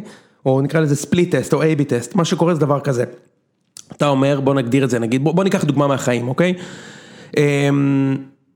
חברת B2B שעוזרת לעסקים קטנים עם payroll, רוצה כאילו עם אה, תשלום משכורות, רוצה לשווק בארצות הברית ורוצה לדעת כמה אפקטיביים הקמפיינים שלהם ברמה של התוספת השולית ל bottom line. אז אומרים, תשמעו, אני רוצה, הנה, הנה הקהל שלי, חצי מיליון, מנהלי עסקים אה, בארצות הברית, ואז פייסבוק בצורה רנדומית תיקח קבוצת אה, טסט וקבוצת control, ולקבוצת הטסט אנחנו לא נראה את המודעות. למרות שהם בקהל היעד, הם חלק מהמכניזם שאמור להיחשף, לא נחשוף. לא נחשוף, אבל עדיין נספור כמה קונברז'נים, כמה המרות הגיעו, ובמקביל יש גם את הצד שכן נחשף וגם לא נספור. ואז נוכל לראות, נעשה בסוף הקמפיין, חודש, חודשיים, שלושה, נראה כמה אנשים הגיעו, שנחשפו לפרסמות, כמה אנשים הגיעו בלי להיחשף לפרסומות, ובעצם נוכל לראות את הערך השולי שהפלטפורמה הביאה. כי אלה שהמירו בלי להיחשף לפרסומות, אתה אומר, תשמע, הם היו ממירים גם ככה. לא הייתי צריך לבזבז כסף כדי להראות להם עוד פרסומות. לבזבז כסף על פייסבוק, אנחנו לא יודעים איפה, יכול להיות שפרסמו בטלוויזיה. ברור, בוודאי. כן. מעולה, שאלה, כאילו נקודה מעולה. לא הייתי צריך לבזבז כסף על הפלטפורמה שלך כדי שהבן אדם הזה ימיר אצלי. אבל בהרבה מהמקרים אנחנו רואים שיש ליפט ענק, כן? עכשיו, הדרך היא לעשות אחד פחות השני, זאת אומרת, אתה רואה כמה כסף הביא לך קונברג'ן, כמה כסף לא הביא לך קונברג'ן, זאת אומרת כמה לא כסף הביא לך קונברג'ן, ואתה יודע למדוד את הערך השולי ואתה גם יכול להגיע לרמת confidence מאוד גבוהה. הדרך אגב הכי נכונה לעשות זה היא לעשות את ה lift הזה על כל הצ'אנלים ביחד. אם אתה עושה את זה על כל הצ'אנלים ביחד אז אתה יכול תאורטית לדעת שהוא גם לא הגיע מהטלוויזיה. זאת אומרת מה קורה כשאני לא מפרסם בכלל, בטלוויזיה, ביוטיוב, בפייסבוק, בטבולה, באוטבריין וזה ביחד. קיצור, אתה צודק.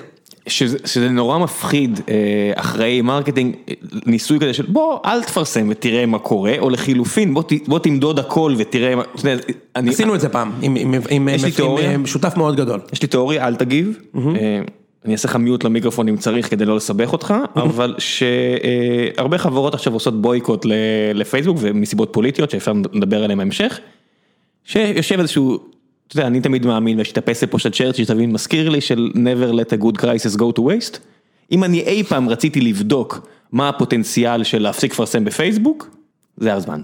ואם הייתי צריך להצדיק את זה מול הבעלי מניות שלי, זה הזמן, אבל זו התיאוריה האישית שלי שהיא מגובה על גם PR והכל, אבל יאללה, הנה עצרתי את המיקרופון של יוני, הוא יכול לדבר. אז אז אני אני כן רוצה להוציא פה כן את כן תגובה, אני כמובן למה שאתה אמרת לא מתייחס, אמ, אני אני חושב שזו החלטה שהיא שוב ריגרדלס למה שאתה אמרת, אני ממש כאילו גונב פה, אנחנו מכבדים את זה ואנחנו עושים המון המון דברים כדי כדי אה, לשפר לשפר את המצב וגם אני יכול להגיד לך שאנחנו אמ, זאת אומרת הבויקוט הזה הוא סביב סביב hate speech על הפלטפורמה, כן? סביב המקום לנאומי שטנה ו... וקריאה לאלימות, ובגדול זה company decision שהוא לא מהיום, שאנחנו מטפלים בזה, כן? כאילו ב-2017 התחלנו לטפל בזה, ולא בצורה של פלסטר, אמרת never let a good crisis go to waste, אז בוא נדבר רגע על ההופכי, סבבה? נורא היה קל כשהדבר הזה התחיל, התופעה הזו התחילה ב-2017, בעיניי לגייס צוות. שיבדוק תכנים ויסיר אותם במקרה הצורך, ואז יגיד, שמע, כשהסערה תשכח, אז אפשר גם תמיד להיפרד מאנשים, כי אנשים זה, אתה יודע. זה ריסורס. זה ריסורס כן. שהוא, שהוא בא, בדיוק הפוך, גייסו פה צוות R&D, והצוות הזה בנה מערכת מבוססת AI, שאמורה להסיר את, את תכני השנאה האלה במקור. זה, השק... זה מיליארדים שאתה, שאתה משקיע, כן? כן, מרק אפילו ציין את המספר, הוא דיבר אל העובדים ובעבודה. הוא חשף, מה שאני אומר פה זה זה חשוף, יצאו 13-14 דקות לציבור הרחב, ואז הוא המשיך לדבר אליכם, לעובדי החברה. כן. זאת אומרת, אני אגיד במאמר מוסגר, שבמשך אה, תקופה לא קצרה אני מנסה להביא, יש אפילו ישראלים שמעורבים בצוות שציינת, זו עבודה סופר רגישה, הם עדיין לא יכולים להגיע.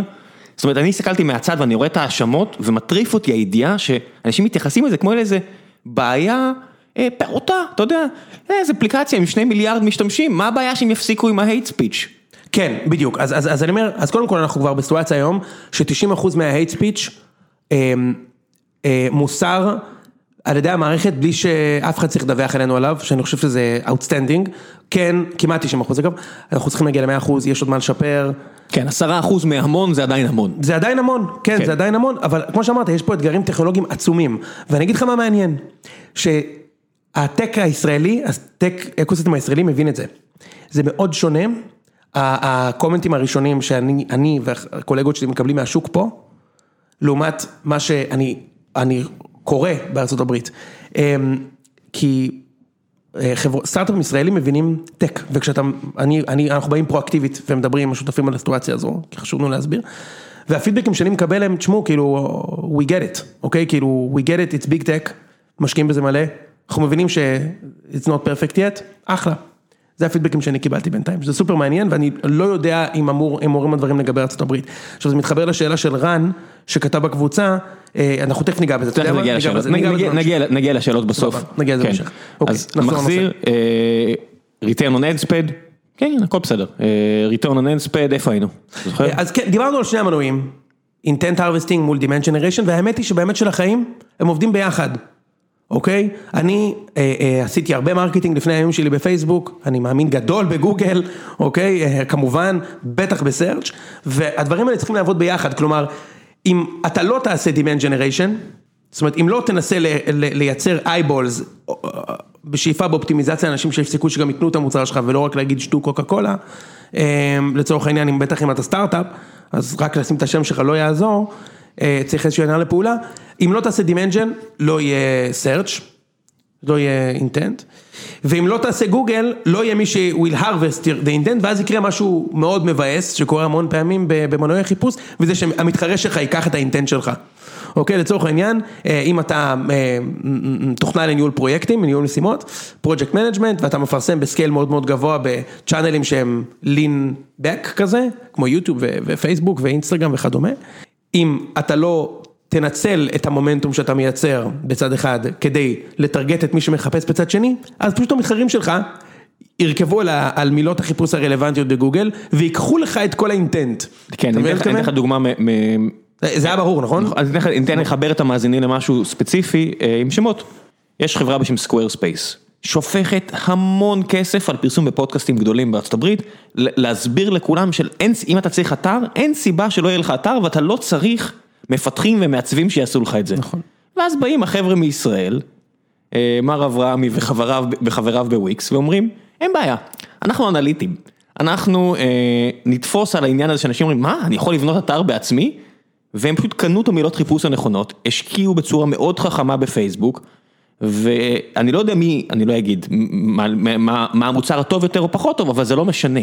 כי אם עשית marketing נכון ואנליטי, יכול להיות שאפילו נהנית מהדולרים שהם הש- הם השקיעו. נכון, כסף ששוכב על הרצפה. תסתכלו על, הערכ, על השווי שוק של, על הערכת שווי של סקוויר ספייס לעומת וויקס ותראו את הכוח של שיווק. נכון, נכון. עכשיו אנחנו עובדים עם וויקס, וזו חברה שאני, שאני המום מכמה חכם הם עובדים ב marketing, אבל בעיניי סקוויר ספייס הם אחד הברנדים הכי מדהימים ב-20 שנה האחרונות, כ brand, אוקיי? גם, גם כחברת product וגם כ brand, אני חושב שהם עושים עבודה מדהימה שם, כן? בארצות הברית. מתח, מתחרים שהוציאו את הטוב מאחד מהשני. בעיניי כן, בעיניי כן. אני, אמ, אני כצרכן שאני מסתכל עליהם, אני, אני מאוד מתלהב ממה שהם עושים. אין לי פייבוריטים כי, אתה יודע, local פטריוטיות על ישראל, אני מסתכל ואני אומר, שניהם מגניבים, זאת אומרת, שניהם עשו מהפכה בשוק שהוא מאוד חיובי בעיניי, והם עובדים כל אחד בדרך שלו, וזה ניסוי מאוד מעניין לראות את ההבדלים גם. נכון, מסכים, מסכים, מסכים לגמרי. טוב, יאללה, אז, אז הבנו על, על אה, עולם ה marketing, בוא נתייחס קצת ל, לכל האש סביב פייסבוק, איך אתה, איך אתה מקבל את זה? זאת אומרת, בתור, בזרוע ה marketing, הרי פייסבוק היא כמו מערכות עיתון של פעם, יש את הגוף שיוצר תוכן, אז פה זה החבר'ה שבונים את הכלים שמאפשרים לשליש עולם אה, להעלות אה, תכנים לפלטפורמה, ואתם שממנטזים את כל ה inventory הזה, את כל הדקות שאנשים מבלים בלקרוא וליצ... וליצור תוכן, והופכים את זה למכונה המשומנת הזו שפייסבוק הפכה להיות. אני לא אוהב את ההקבלה שעשית לעולם ה publishing. מאיזה- אנחנו משתמשים בזה הרבה בפנים, אז תספר לי את דעתך. תראה, בלי להיכנס יותר מדי לדברים ש... ש... ש... שפחות יאהבו אם אני אגיד, אני חושב שפייסבוק היא, היא לא פאבלישר, פייסבוק היא פלטפורמה.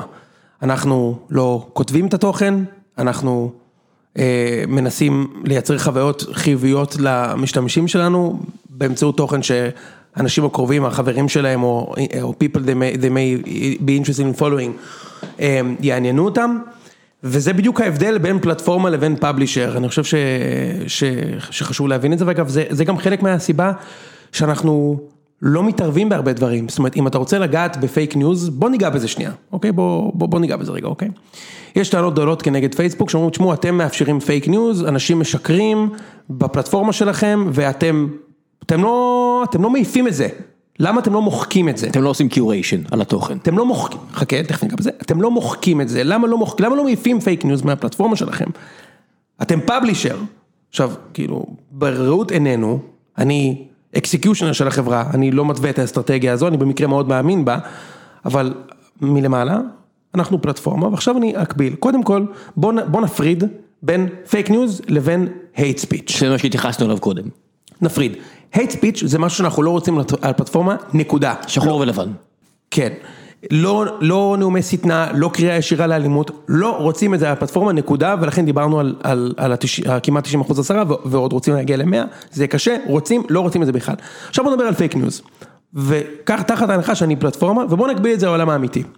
אם בן אדם עכשיו ילך לכיכר רבין, עם מגפון, ויצעק, העולם הוא שטוח, העולם הוא שטוח, העולם הוא שטוח.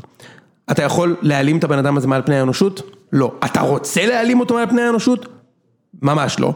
מה אתה כן יכול לעשות? אתה לא יכול למנוע מבן אדם אם הוא רוצה לצעוק שהעולם הוא שטוח בכיכר רבין, הוא יכול לעשות את זה. אנחנו דמוקרטיה. הוא יכול לעשות זה וגם בארצות הברית אגב הוא יכול לעשות זה. אתה יכול לקחת לו את המגפון, אוקיי? ולהגיד לו, שמע, אתה רוצה לצעוק את זה, או להעביר אותו מקום. להגיד לו, שמע, אתה רוצה לצעוק את הדברים האלה, עדיף לא פה, בכיכר אה, רבין, למה אנשים מסתובבים פה ועוד יאמינו לזה, אבל... אז בוא ניקח את הדברים שאתה רוצה לצעוק, תצעק, אבל בבקשה תצעק אותם בבית שלך או לא בבית שלך, באיזה חניון בתל אביב במקום אחר, שיש בו פחות אנשים. עכשיו אני אקביל את זה למה שאנחנו עושים אצלנו בפלטפורמה, אוקיי?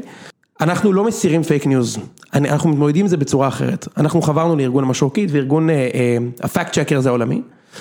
והחבר'ה האלה זה, זה עשרות אלפי, עשרות אלפי אנשים, כן?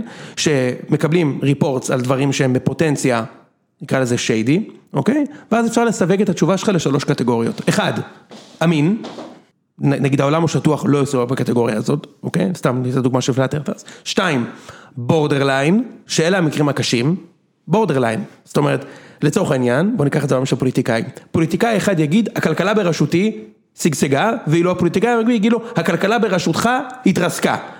יש פה, יש פה אמת אבסולוטית? אין. אין, הכל שאלה של attribution, כן? כן. יפה. עזוב את זה שאפילו הלכת לדברים יותר בעייתיים כמו ישראל דמוקרטיה, יהיה לך אנשים שיגידו אה, אתנוקרטיה, יגידו לך אנשים שלא, אתה יודע, זה נורא קל להתייחס למונחים שישראלים דורשים שפייסבוק תעשה, תהיה הארביטרציה של אמת כלשהי, ואני אומר, אין סיכוי, אנחנו לא רוצים להיות. שתחטוף את האש בגלל ההחלטות האלה. אנחנו לא רוצים להיות בית המשפט. ויותר מזה, אני גם חושב יותר מזה, בנושא של פוליטיקאים, אנחנו מאמינים בלב שלם שאנשים צריכים לדעת, כל עוד זה לא hate speech וקריאה לאלימות. אנשים צריכים לדעת מה הפוליטיקאים אומרים. איזה מין ביקורת הייתה עלינו אם היינו מסירים משהו שפוליטיקאי אמר ולא נותנים לאנשים את האפשרות לבוא אה, איתו דין וחשבון בקלפי, לא נדבר על הפוליטיקה הישראלית, במקרה הזה אנחנו מדברים על הפוליטיקה האמריקאית, כי זה מה שאקטואלי יותר, כן? עכשיו רגע, אז יש את הקטגוריה של, הש, של האמין, יש את הקטגוריה של borderline, שזה קשה, ויש את הקטגוריה של, של, של false, כאילו זה news שהוא שקר, אוקיי? false news. במקרה כזה, כמו שאמרתי, אנחנו לא נמחק את התוכן, כי אנחנו לא, אין פה סתימת פיות, זה דמוקרטיה, תגיד מה שאתה רוצה, אבל אנחנו יודעים להפחית את ה reach האורגני של הפוסט שלך, עשרות גדולות של אחוזים, ככה, אתה עדיין אומר את מה שאתה רוצה, אנחנו לא, לא ניקח לך את האפשרות להגיד, אבל שתדע, אומרים לך, תשמע, גבר, זה, או גברת, סליחה, זה יגיע להרבה פחות אנשים, כי זה false, אבל אתה עדיין יכול להגיד את זה, כמו שאני יכול לעמוד במרפסת שלי ולצעוק, שמכבי חיפה אלופה השנה, אבל היא לא אלופה השנה. להזכירך מכבי תל אביב אלופה השנה. אבל הכדורגל. אבל הכדורגל, איזה כדורגל.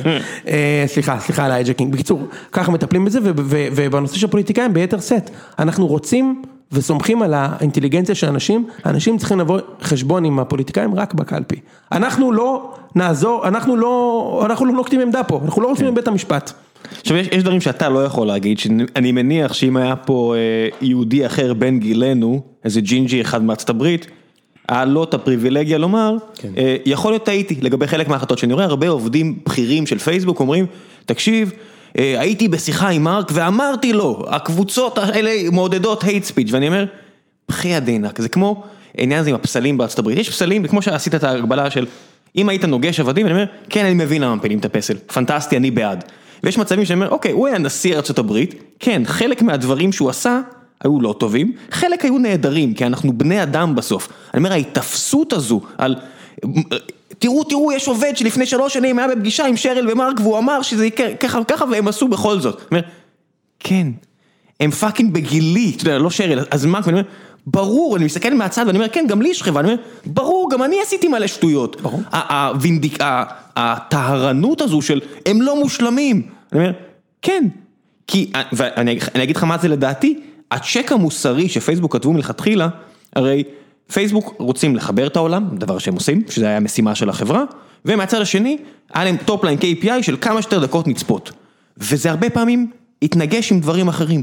כן, יש החלטות קשות שפייסבוק עשו, שאולי הם מצטערים עליהם עכשיו, אבל זו חברה בת 15. אני אומר, זה, זה, זה מגיע מאותו מקום שאומרים, תראו את צה"ל, הוא לא הצבא הכי מוסרי בעולם, הוא עשה ככה וככה.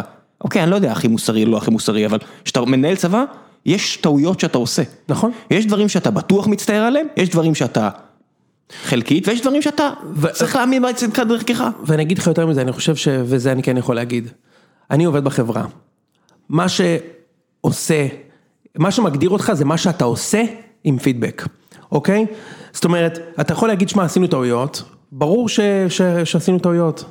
אבל מה אתה עושה כדי לתקן את הטעויות? אני חושב שהרבה. ואני אגיד לך יותר מזה, אני חושב שאנחנו עושים את זה בזמן נכון, ודיברת על עובדים, תשמע, יש גם פתחון פה לאנשים להגיד מה שהם רוצים בתוך החברה, שאני לא מכיר הרבה, הרבה מדי תרבויות, בקורפ גדולים בוודאי, לא, לא לדבר על היררכיות כמו צבא כי זה בכלל לא רלוונטי, אבל בקורפ גדולים בהם כל שבוע, כל שבוע, המנכ"ל של החברה, אחד האנשים הכי עסוקים, הכי מצליחים, בטח הכי חכמים, אוקיי? עומד על במה מול כל העובדים, לא הנהלה, לא הנהלה בכירה, לא דירקטוריון. כולם רשאים להשתתף, עומד ואומר, תביאו פידבק. מה אנחנו עושים טוב, מה אנחנו עושים לא טוב, איך, איפה אפשר להשתפר. ופידבק ברמה שאתם לא מאמינים. אתם לא מאמינים. אוקיי, בוא נגיד רק דברים שאפשר להגיד כי הם היו בחוץ.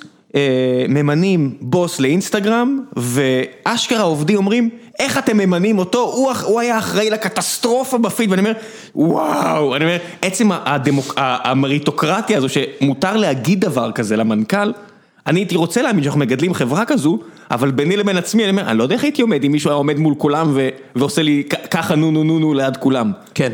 זה לא טריוויאלי כל- אז, אז, אז הקלצ'ר אצלנו הוא כזה שפידבק is a gift, ועוד יותר, יותר מזה, timely פידבק, כלומר, פידבק בזמן, אין הגירה.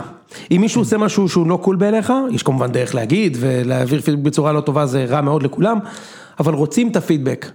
גם אגב סביב מה שהיה עכשיו סביב, סביב, אה, סביב המחאה של, סביב מה שקרה עם האפרו-אמריקאים בארצות הברית, כן? זאת אומרת, היו הרבה עובדים שהתקוממו כנגד הדבר הזה, והיה להם פתחון פה להגיד מה שהם רוצים וגם על הדיו, לא בשיחה שנגמרה. לא בשיחת מסדרון. לא בשיחת מסדרון. לפרוטוקול, אני מתנגד לדרך החברה, כן. שחור על גבי טוויטר, בפלטפורמה המתחרה. בא לך אקזק של החברה ואומר, אני לא מסכים עם המנכ"ל.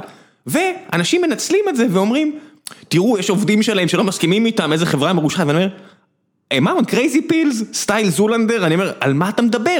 זאת אומרת, ואני רואה את האלטרנטיבות של, שאומרים, הם גדולים מדי, אה, אז בוא ניתן למישהו אחר להחליט עבורם. אני אומר, מי זה המישהו האחר הזה? הממשל האמריקאי שהוא, הוא, זה שאתם דורשים שפייסבוק תצנזר?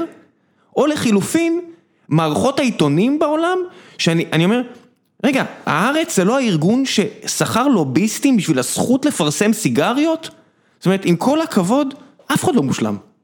לכולם יש טוב ויש רע, ואני בעד הביקורת. הסיבה שאני מגן על פייסבוק, אני לא מקבל מכם כסף, אתם אפילו לא השותפים העסקיים העיקריים שלי, המתחרים שלכם למעשה זה השותפים, השותפים המסחרים העסקיים העיקריים שלנו בסטרים אלמנט, לא שאנחנו לא שותפים של פייסבוק, אנחנו אוהבים אתכם פייסבוק, אבל השניים האחרים יותר חשובים לנו, הרבה יותר, צריך להגיד את האמת, ואני מסתכל מהצד, אני אומר, זה כאילו אתם, הטהרנות הזו שהיא, שפייסבוק עזרה ליצור אותה, בוא, בוא נגיד גם את האמת. צודק. כשאתה נותן, נותן יותר מדי פתחון פה, אתה צודק. מי, מי עולה מעל הרעש? מי שצועק יותר חזק. אני, גם- אני, חושב ש, אני חושב שאם אנחנו מסתכלים על זה, אני חושב שאנחנו עשינו הרבה טעויות, גם בנושא של להסביר את מה שאנחנו עושים. תחילה במודל העסקי, שם, שם הייתה הטעות הראשונה, אם אתה שואל אותי ברמה האישית, אני חושב שהרבה יותר, מדי, הרבה יותר מוקדם היינו צריכים להסביר את הביזנס מודל שלנו. היום אני חושב שאנחנו עושים את זה קצת יותר טוב. ושתיים, לגבי פעולות אמיתיות שאנחנו עושים, אמ, כדי לייצר לאנשים חוויה שהיא פוזיטיבית לפלטפורמה, דיברת על סיגריות, כן? פייסבוק אמרת שמכניסה 70 מיליארד דולר בשנה, לא אמרתי, אתם אמרתם. כן, בדוחות. זה, כן, אני לא יודע. פייסבוק משאירה, שוב, לי אין שום קשר ל decision making הזה, למרות שאני שוב מסכים איתו במאה אחוז, פייסבוק משאירה עשרות מיליארדים של דולרים על, הש... על השולחן per annum, מזה שאנחנו לא מאפשרים לפרסם אצלנו דברים בסגנון שאתה דיברת עכשיו. החלטה אישית, לא רגולציה חיצונית. החלטה של ה policy של החברה, לא מפרסמים, יש דברים שהם clear cut, כמו פורנו שלא נדע וכל מיני דברים כאלה, ויש דברים שאנחנו פשוט לא רוצים על הפלטפורמה, סיגריות זה אחד מהם, אוקיי? או כמו, או, או gambling שהוא לא authorized ברישיון, רישיון, אוקיי?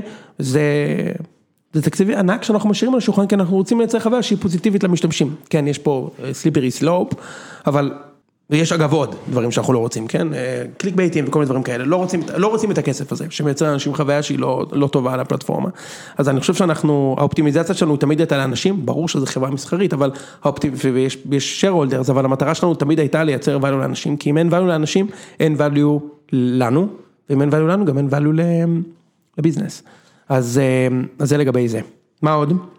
בוא, נבוא, בוא נעשה קצת שאלות מהקהל. יאללה, שאלות מהקהל, איזה כיף. ולפני שנגיע לשאלות מהקהל, אני אכניס פה את uh, דבר המפרסם. ו... דבר המפרסם? יוטיוב. כן, הם, הם קנו אחלה ספוט, אני חייב להגיד לך, דיברתי עם החבר'ה של גוגל, אמרו לי, תגיד, מה יש לך קדימה, איזה פרקים יש לך, כי אנחנו רוצים משהו טוב. וואלה, יש לי איזה משהו בשבילכם, זה יבוא טוב. אה, אז לא, זה לא, זה לא יוטיוב, אה, זה חברה ש... הנה בוא, בוא נחבר את זה, בוא נעשה את זה אקטואלי לגמרי, ותראה איזה שינוי פייסבוק עשו, אתה מוכן לזה? אני אפתיע אותך. תן לי את זה. חברה שפרסמה בציון שלוש, סולמייט, אני לא חלק, אני זוכר שאמרתי לך? בטח, בטח. וזה, וזה גיל, חבר שלי מהצוות בצבא, והוא אמר, והוא נתן כזה, נתנו חסות אחת פרו בונו, כי א' הוא חבר, והבאנו אחת פה, אחת פה. אז אמרתי לו, אוקיי, יאללה, בוא, בוא תמשיך, תתן בחסות בתשלום. אתה יודע מה הוא אמר לי? בציון שלוש זה לא convert מספיק טוב, התוצאות לא מספיק טובות, בגיקונומי כן, אז בוא נמשיך בגיקונומי. אתה מבין שהסוג שיח הזה לא היה לפני 20 שנה. נכון. לטוב ולרע, הנה אנחנו פעם אחת נהנים ממנו, ופעם אחת אנחנו לא נהנים ממנו, ובעסק הפרטי שלי, אני יכול להגיד לך, זה struggle, כי המכונה שפייסבוק עשו, היא fucking מושלמת, או כמעט מושלמת, ואז לנסות ולהתחרות בה, שאני מרגיש שאנחנו עושים עבודה די טובה בנישה הקטנה שלנו, אבל זה להקידם. כי הלקוחות למדו, המפרסמים למדו אה, מה השאלות שהם צריכים לשאול ומה הערך שהם צריכים לדרוש מהפלטפורמה. אבל עכשיו דבר המפרסם. סולמייט, אה, אה, שמעת כבר את החסות, סיפרתי לך עליה עוד לפני כן, חבר טוב מהצוות, גיל, היה לו כלב בשם אה, סטאר, וסטאר הכלב הציל את חייו. הציל את חייו ועוד חיים של מספר לוחמים בפעילות שהפכה להיות מורק די מפורסם ביחידה, למרות שבתקופה ההיא היו לא מעט כאלו, אבל סטאר הצליח לבלוט מעל אחרים וגיל אה, החזיר טובה לסטאר, כמו שאומרים, כשסטאר חלה לאחר השירות, גיל אה, הפך, אה, הפך, הפך את העולם כדי לממן את הניתוח הזה, כדי לתת לסטאר עוד קצת זמן לחיות, והוא עשה את זה, אבל האהבה לחיות לא נעלמה כשסטאר הלך לעולמו, כי זה מה שקורה עם כולנו, וגיל הקים חברה לאוכל לחיות. שנקראת סולמייט, גם גם חתולים, גם כלבים. הוא התייעץ עם וטרינרים, היה לנו מן הסתם גישה לווטרינרים, לא הרבה יותר מלי, והוא מצא את הנוסחה הנכונה של מרכיבים שהיא אידיאלית לטמפרטורה הישראלית, אני לא יודע אם יש לכם כלבים או היה לכם כלבים וחתולים, לא, לא קצת, היה נראה לו לא הגיוני שאוכל שמיוצר לטמפרטורה בבלגיה, שזה המקום שלפחות הכלבים מעוקץ הגיעו, שזה יהיה אותו מזון שהם מקבלים בטמפרטורה בארץ ובאקלים בארץ ואת כל המאפיינים האלה, והוא בעצם מצא את האיזון המושלם שמאפשר לו למכור את המוצר הזה בצורה זולה יותר, והוא משתמש בפייסבוק ובפלטפורמות אחרות כדי לחתוך את כל ה market, את התקציבי marketing שלו, וכך הוא הגיע למצב שהוא מוכר כל שקית בחצי, בממוצע מהמחיר של שקית אחרת. אז אם אתם רוצים דוגמה למה פרסום יעיל נותן, זה בדיוק זה. אגב, זה מדיום מטורף פרסום בפודקאסטים שעולה, ואיך אין ad network לפרסום בפודקאסטים? כי יש הרבה בעיות, כי זה אסינכרוני, ויש הרבה בעיות. זה סינכרוני, אתה מעלה מלל. זה מה שספוטיפיי מנסים לעשות. מה? זה מה שספוטיפיי מנסים לעשות, ותראו, בגלל שאין עדיין איך אני עושה את ה attribution, אתם תצטרכו להיכנס לאתר של סולמייט ולהשתמש במילה גיק, ורק ככה הוא ידע אם הפרסום בגיקונומי עובד או לא. זו הסיבה שאת רוב הכסף הוא מוציא על פייסבוק ולא על פודקאסטים. אתה שואל למה? כי הרבה יותר קל למדוד attribution. פה הוא צריך שאני אבקש שאתם תכניסו את המילה גיק, G-E-E-K, כדי לקבל את ההטבה של שקית פלוס שקית על השקית הראשונה שתזמינו. שומע? כן. אני עובד עם חברה אמריקאית, סטארט-אפ אמריקאי בשם גסטו. גסטו זה אחד הסטארט-אפים הכי נחשבים בארצות הברית, בסן פרנסיסקו, ונתתי קודם דוגמה, זו חברה שהיא HR solution ל-small businesses, בגדול זה פתרון שמאפשר לעסקים קטנים, ניקח נגיד מאפייה, לשלם משכורות לעובדים, ימי חופשה, health, health insurance and all that stuff, בפתרון שהוא בסטייל SaaS, כן? Software as a Service, תוכנה בדמי מנוי חודשיים. אתה יודע איך הם עושים attribution? בגלל שהם עושים המון פעילות brand?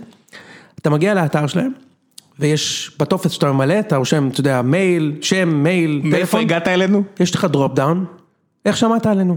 ואז כתוב, פייסבוק, הקו, התשובות כל פעם אה, רנדומיות, כדי שאנשים לא ילחצו. על הראשון, בדיוק, כן. הסדר משתנה, כתוב שם, פייסבוק, אה, אינסטגרם, יוטיוב, גוגל, פודקאסט, a friend told me, I can't remember, ואולי I read something. וככה הם עושים attribution ברמה של, כדי טיפה לעזור בקליברציה של המודל, זאת אומרת, הם עדיין עובדים מול כל מי שדיברנו כדי לנסות להשיג, אבל אומרים, תשמע, בסוף, דיברתי עם ה-CMO והיא אמרה לי משהו מאוד מעניין, היא אמרה לי, תשמע, בסוף כל הנטוורקים יכולים להגיד מה שהם רוצים, ב marketing באמת, זה מה שאתה זוכר שהביא אותך, זה מה שהביא אותך.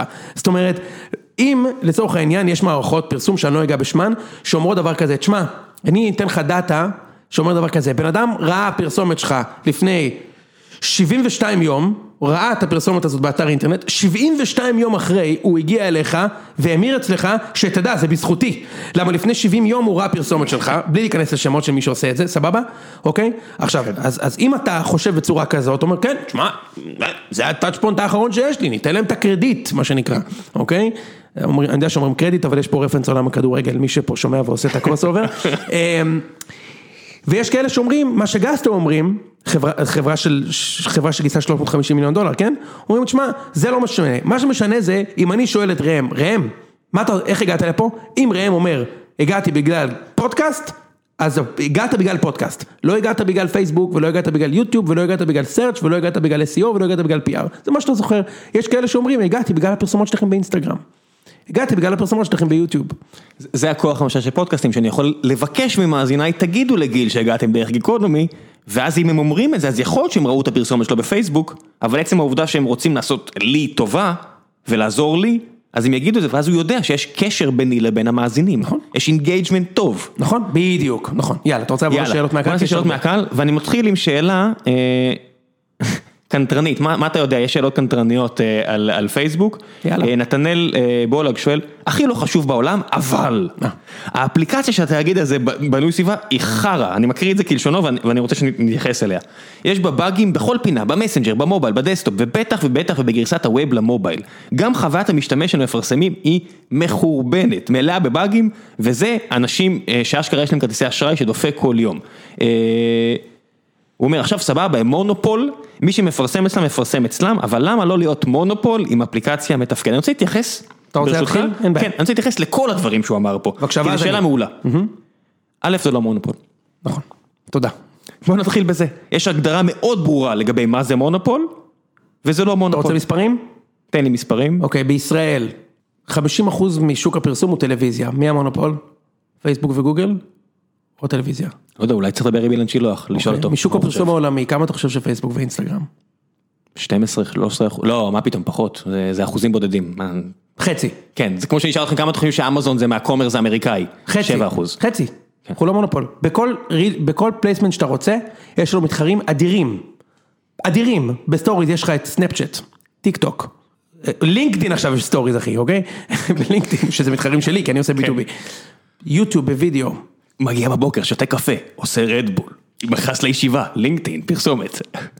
אפל על מסג'ינג, יש אין סוף מתחרים לפייסבוק, וטוב שכך, כן? אז סליחה, תמשיך. אז בוא נתחיל בזה שזה לא מונופול. ועכשיו יש משהו שסופר כואב לי כ- כמנהל אה, פיתוח וכמי שנמצא ליד מפתחים אדירים ונמצא בקשר עם החבר'ה אה, שעובדים על האפליקציה החרא הזו. ואני אגיד לך, לי יש לפעמים גם ביקורת כלפי האפליקציה של פייסבוק ואני אומר, למה הם לא תיקנו את הבאג הזה? ואז אני יכול לשאול את גיל. וגיל אומר, אתה יודע מה, איך אנחנו עושים החלטה, איך היינו עושים החלטה מה לתקן ומה לא? האם זה מזיז מחט או לא מזיז מחט? ממליץ לך שתנהל את הארגון שלך גם ככה, ואת הארגון שלנו מתכוון. מה זה אומר? שאם אתם רואים באג שהוא לא נעלם כבר שנה, אתם יודעים למה הוא עדיין שם? כי הוא כנראה לא מזיז הרבה לאנשים. הם מודדים את הכל ברמה של אה, דקות שימוש. אם הם רואים משהו ש... אה, וזו שאלה שמופיעה שם והם בודקים אותה עליה. אם הדקות ירדו, זאת אומרת שזה באג אמיתי שפוגע בחוויית המשתמש שלך. אם לא, כנראה שזה לא באג אמיתי שדופק, וכנראה שיש משהו יותר ראוי לעבוד עליו. והייתי רוצה שכל הארגוני תוכנה יחש- יחשבו על זה, ולא יעבדו לפי מה שקופץ בעין, או כי יש user אחד ששלח מייל, אז הם עוצרים את הכל, והולכים ועושים אותו.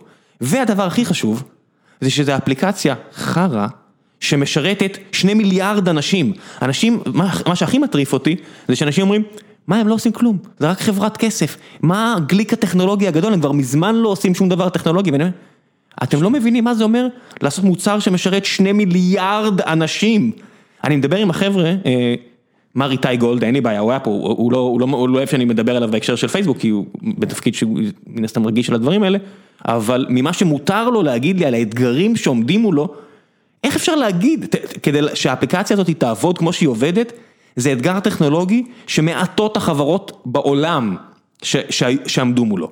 זה השני סנט שלי, כי זה מעטות מסוג הדבר- ברמה של של- של אמ, פחות- פחות אצבעות ממה שיש יש, לך, ויש לי- ולך הרבה. יש ולך אין הרבה אצבעות. ואין לי הרבה. אמ, אוקיי, אז אז קודם כל, אה, אחלה ראם מעולה, ואני אני רוצה להוסיף. קודם כל, אני חושב שזה פידבק מצוין, תודה על הפידבק. אני user של פייסבוק Ads עשר שנים, כ user שש שנים וארבע שנים כבן אדם שה livelihood שלו הוא מפייסבוק ads, ואני חושב שזה פידבק מצוין, ואתה צודק.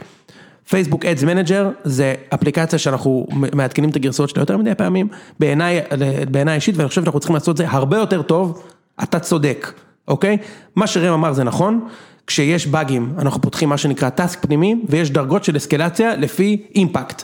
impact יכול להיות על, obviously במקום הראשון, שימושיות וחוויה רעה, ו impact שני יכול להיות פשוט אמרת כרטיסי אשראי שנסלקים כל יום, אתה צודק, מה קורה אם אה, יש פה אה, מפרסם שרוצה, חשוב לו להגיע ולהשקיע סכום כסף גדול, אבל עכשיו הוא בבאג, אנחנו יכולים לקבוע דרגות של אסקלציה ואז הצוותים אה, יכוונו את העבודה שלהם אחרת. בכל מקרה זה פידבק אחלה. אני חושב שהאפליקציה בעיקרון היא מעולה, אגב רק שתדע שכולנו משתמשים בגרסת אלפא של המוצרים, שכולם פייסבוק, אינסטגרם, מסנג'ר, וורקפלייס, ואנחנו, יש לנו דבר כזה שנקרא dogfooding, והוא שמעודדים אותנו אה, לדווח על באגים, וככה החברה מתקנת הרבה פעמים באגים, הבאגים מגיעים מ usability של העובדים. Next. אה, שאלה נוספת. המוצר שלהם משעמם, זה כמו לפתוח טלוויזיה ב nineties, אתה בוהה מול המסך למרות שאין מה לראות. אתה מרשה לי שוב לפתוח את התשובה? בטח. הנה אני, אה, עדי, אם אתם רוצים לשלוח את הצ'ק אתם יודעים לאיפה. אבל לא, זה לא באמת מי שחושד, אין לי אינטרס, הנה אני אומר את זה, אין לי אינטרס כלכלי בסיטואציה הזאת, זה פשוט דברים ש... ומי שרואה את הטוויטר שלי, שאפליקציה שנמצא, אני אישית נמצא בה יותר, אז יודע אה, את דעותיי. בניגוד לטלוויזיה ב nineties, יש לך אפשרות בחירה. אם אתה רוצה לוותר על הבחירה ולתת לאלגוריתם של הפיד לבחור עבורך, אז תתלונן. מצד שני, הנה, הנה, הנה הגליץ', האלגוריתם הוא לא טוב כמו שאתה יודע הכי טוב מה הטעם שלך. אני אישית קורא בפייסבוק כמעט רק דברים שאני בוחר לקרוא.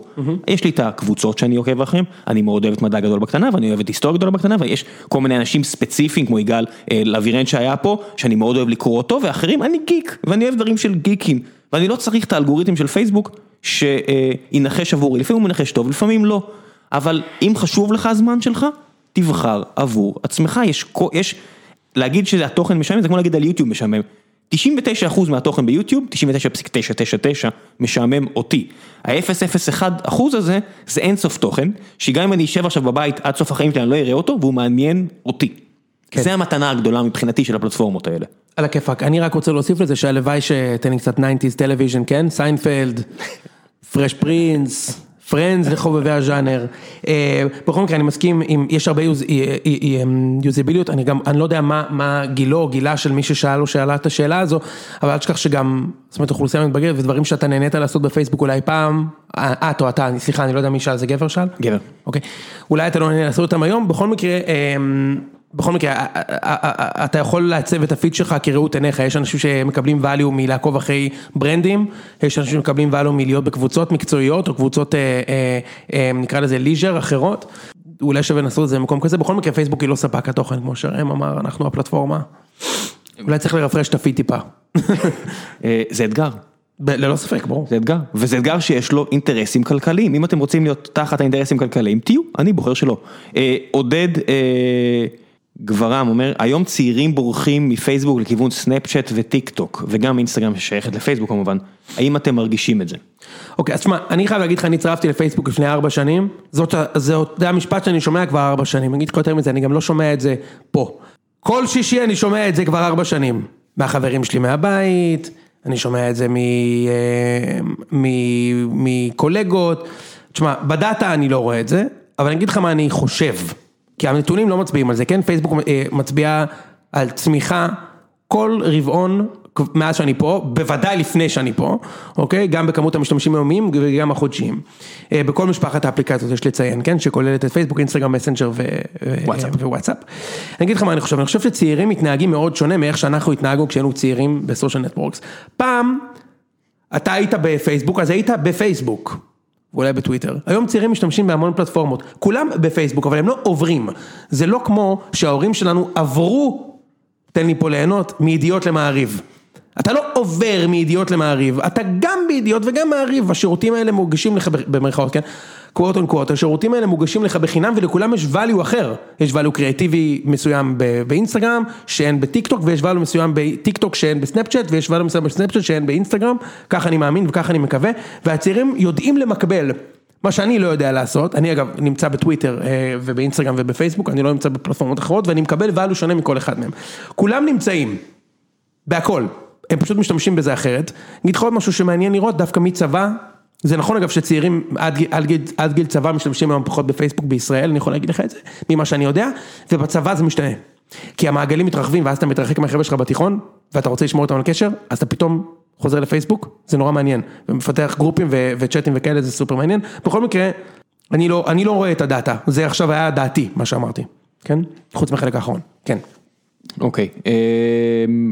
גילוי נאות, יש פה כל מיני שאלות שקצת לפני הפרק, לפני שהתחלנו להקליט, שאלתי אותך על העניין של פוליטיקאים והכל, ועם כל הכבוד, אתה חבר, ואני לא רוצה להפיל אותך ואתה לא יכול לענות על הדברים האלה, זה נושאים רגישים, תאלצו לכבד את זה. יש גם נושאים שאני פשוט לא יודע עליהם מספיק כדי להשיב לצערי, כן, אני אני לא בתחום של אכיפת מדיניות, יש מדיניות לחברה, אני לא חלק ממנה, אני בצד של הביזנס, ספציפית בצד של עבודה עם סטארט-אפים בתחום של תוכנה, על growth, אז... על שאלות כאלה אני אשמח לענות וגם שאלות שקשורות לחוויית עבודה שלי בפייסבוק, מה שתרצה אני אענה בקטע הזה על הכל. יש איזה, בגלל פייסבוק, וצריך להגיד זה לרעה, בגלל שלכולם יש דעה, אני תמיד אומר דעה זה כמו חורטוסק, לכולם יש אחת, וכולם מציעים אותה כל הזמן, אז הגענו למצב שאנשים מגיעים לפודקאסט ומבקשים את דעתם על הכל, וככל שהבן אדם יותר מומחה בתחום עיסוק שלו, ואתה רואה את זה עם פרופסורים שאולי יזכו בנובל יום אחד שהיו פה, שמע זה לא תחום העיסוק שלי, למה שאני אציע את דעתי? כן, לגמרי. אהבתי שקלופ, אחד המאמנים הכי גדולים בעולם, שזכה עכשיו באליפות היסטורית עם ליברפול אחרי 30 שנה, שאלו אותו על הקורונה, הוא אמר, חבר'ה, אני מאמן כדורגל, למה אתם צריכים את הדעה שלי על קורונה? זה אפילו רע שאתם שואלים אותי את זה. צודק, אני אגב, אני באותה דעה, בואו ניתן, אולי ניתן לאנשים לעשות את העבודה שלהם. כן, זאת אומרת, אני הייתי מאוד שמח לארח את האנשים שעושים את הפוליסט, אני כאילו מבין למה פייסבוק לא עושים, אני מתבאס על ההחלטה לא לתת לי לעשות את השיחה הזו, אבל זה לא יקרה כנראה. אגב, המקומות שבהם זה יותר לגיטימי זה כאילו ב entertainment. כל אחד יכול להיות דעה על קולנוע או על ספורט, וזה לא rocket science בסוף, כן? אני כן מעריך אנשים שיש להם דעה מוצקה יותר, אבל בסוף זה רק דעה. אתה מבין, אין משהו הרבה מעבר לדעה. זאת אומרת, אני יכול לאהוב פאור רנג'רס, ואני מקבל את זה שזה חרא סדרה, אבל אני אוהב את זה, מה אתה רוצה? נכון, אתה אוהב פאור רנג'רס באמת? לא, נו. לא, נו. נראה לי שאנחנו ניקח את זה לפודקאסט הבא. כן, ניקח את הפודקאסט הבא. אילן קציר שואל, איך השתנה פרופיל העסקאות ה-B2B שפייסבוק מעורבת בהן מאז שהגעת? פנטסטי. ובעקבות כל הביקורת שהחברה חוותה בתקופה האחרונה, האם הסקטורים מולם עובדים השתנה? כן, אוקיי, זו שאלה מעולה, ואני חושב ש-B2B בפייסבוק באופן כללי זה משהו שלא היה קיים עד לפני ארבע שנים. אוקיי? מה הכוונה? פייסבוק היא חברת B2C. שים את זה על השולחן, המוצרים שאנחנו בונים, משרתים או פלטפורמות של e-commerce או גיימינג. זאת אומרת, מה הרעיון? אנחנו עוזרים לבעלי חנויות e-commerce להגיע לצרכני קצה, ואנחנו עוזרים לחברות משחקים להגיע לאנשים שירצו להשתמש במשחקים ולקבל מהם ערך. B2B זה משהו שלא קיים בפייסבוק. איזה סוג של B2B כן קיים בפייסבוק? סוג של B2B מודרני. B2B מודרני, מה שנקרא לו Product-Led Companies, אוקיי? חברות שבהן ה-growth, הצמיחה, ה-revenue, ההכנסות של החברה, לא תלויות ביכולת של צוות המכירות למכור, אלא ביכולת של המוצר למכור את עצמו. אוקיי? זה עידן, נקרא לזה עידן, היום זה להגיד שזה חדש, זה פתטי, אבל זה עידן של החמש, שש שנים האחרונות, כן? מוצרים שמה שנקרא self-serve. אני יכול לבוא כמעט כמו B2C, לפאנל של B2B, לצורך העניין בוא ניקח דוגמה לחברה ישראלית, שאני מקווה שאתם מכירים, שדיברנו עליה כבר חמש פעמים בפרק הזה, כבר מתחיל לעצבן, אבל אני אוהב אותה מדי, קח את monday.com, אני יכול להגיע כל מנהל בדרג ביניים או בעל עסק קטן, כמו פאנל של B2C. ערן, הצ'ק אליי, לא אל יוני. בדיוק, הצ'ק מגיע גם ככה. כן, אליך כן, לא אליי, זה הבעיה. ככה. יכול לבוא ל-monday.com, להירשם ולשלם. אוקיי? בלי לדבר עם איש מכירות. ומה שמעניין לראות, בזמן שלי בפייסבוק, אני חשבתי ככה תמיד, ולכן הצטרפתי לפה כדי לעשות את זה דווקא בחברת B2C, אני מאמין שככה צריך למכור. זאת אומרת, אני מאמין שאם המוצר שלך לא מספיק טוב, ושהבן אדם יכול להבין אותו, בלי לדבר עם בן אדם בתהליך המכירה, יש בעיה ב product. ואז מתישהו, it will bite you in the ass. ולכן אגב זאת הסיבה שלא רואים פה כמעט אקזיטים במיליארדים של חברות B2B, כן? מה שקורה, החברות האלה תמיד, סתם זו תופעה מעניינת ראם, כל החברות ב-B2B בישראל הן מתחילות, רובן, על ידי טכנולוגים פנטסטיים, אוקיי? רובן. CTOים שאולי נקראים CEO אבל חושבים כמו CTO. לגמרי. ובונים מוצר, וחברות רוצות להיות חברות מוצר, product led companies, ואז קורה משהו מעניין. מה קורה כשסטארט-אפ מתישהו עם איזשהו proxy להצלחה? מגייסים כסף. נכון? מגייסים כסף. עכשיו זה לא שיש בזה משהו רע, כן? ברגע שמגייסים כסף קורה תופעה מאוד מעניינת. ה-VC לא מכיר דרך אחרת למכור מוצר SaaS, חוץ מאנשי מכירות. אומרים תקשיבו, דבר ראשון שעושים עם הכסף, משרד בווסט קוסט, משרד באיסט קוסט, תתחיל למכור. עכשיו איש מכירות טוב, צריך להבין, יודע למכור הכל. בטח מוצר נחמד שפותח על ידי כמה ישראלים וישראליות טובים. ברגע שאתה מגייס צוות מכירות, לפני שעשית marketing, אתה הופך להיות חברת שירותים. חברת שירותים ומכירות. אתה לא חברת product יותר, אתה בעיניי, אתה כנראה אפילו לא סטארט-אפ, אוקיי? אתה, אתה חברת business. שירותים, business. ואם אתה לא מבין את זה, אתה גם בטוח תיכשל, כי business זה משהו אחר שהוא לא טוב או רע, אבל הוא מתנהל אחרת מסטארט-אפ. לכן, מכפילים לכם מזה. ולכן, בהמון מקרים, אני הייתי גם חלק מחברות כאלה בעבר שלי, חברות שעשו quote unquote exit, חלקם אגב באמת היה exit, וחלק היה יותר משהו שנקרא acqui-hire, שזה לקנות את צוות הפאונדרים. החברה נמכרת בגלל שיש פאונדרים טובים, טכנולוגיה בסדר, ויש פורטפוליו של לקוחות. אומרים, שמע, אני קונה את החברה הזאת, אני גם קונה דילים עם איזה עשרה enterprises אמריקאים. ואת ה tech הזה לעולם לא נשמע עליו יותר. יש המון חברות כאלה, שנמכרו, ומעולם לא שמעת יותר על החברה. מעולם, כאילו, שהיא הוטמעה, הטכנולוגיה הוטמעה, ומעולם לא שמעת על החברה, אוקיי? בוא בוא לא נברח מזה, החברה של שותפיה כרגיל, Face.com. זה שונה לגמרי, זו הייתה חברת product אמיתית. וטכנולוגיה, יפה. אבל להגיד לך, הוא לא יכול להגיב לזה, אבל להגיד לך שאני לא חושב שהם יכלו להרים שם מפלצת? אני חושב שכן, זאת אומרת היה להם כוח אדם סופר מיומן והם עמדו על ה brink, אבל הם עשו את ההחלטה שלהם ואני מאחל לעצמי להיות בפוזיציה של להחליט, כן, אני לא מבקר אף אחד, אבל כן. כל מה שאני אומר פה מגיע מפוזיציה של אחד שבחיים לא עשה אקזיט. כן, כן, בחיים לא, גם לא ברבע שקל, אוקיי? בוא- נגיד, אני- חוץ מ Cookie Jar Jar, כן. שהנפקנו. אמ, אני לא מבקר אחד, אני רק אומר, יש את הסיכוי שאותה Face.com יכלה היום להיות חברה של מיליארד דולר. בדיוק, אז אני אומר דבר כזה, כן. יש החלטה פיבוטלית שאתה עושה, או שאתה הולך להיות חברת product, וחברות product זה חברות שמנפיקות במיליארדים, HubSpot, Tableau, שנמכרה ל Salesforce לדעתי 17 מיליארד דולר, Looker, אה, Looker, Twilio, Slack כמובן, Jira, Atlassian, Atlassian, מעולה. או שאתה חברת product, ואז המסע הרבה יותר ארוך, אבל לפוטנציה הרבה יותר rewarding, כי אתה מנפיק ואתה שווה מיליארדים, אגב גם וויקס היא דוגמה כזו, או שאתה חברת שירותים ומכירות, ואז אתה כנראה לא תעבור את ה-300 מיליון דולר, לא שזה משהו לזלזל בו, זה פנטסטי, אבל הסיכוי יש מקרים קיצוניים כמו Datorama שנמכרו ב-700, נכון. וגם אם תשאל חלק מהנוגעים בדבר, נכון. הם לא יגידו זה on the record, נכון. אבל כשמדברים איתי הם יגידו, שמע היינו יכולים להיות 7 מיליארד. ברור, כי הם היו יכולים להיות חברת product, ואין לי ביקורת על זה, כן, הלוואי על כולנו, 700 לעשות- מיליון דולר, כן, הלוואי שיהיה פה עוד 100 עסקים כאלה. הלוואי על כולנו עשרה אחוז מזה, או הרבה פחות.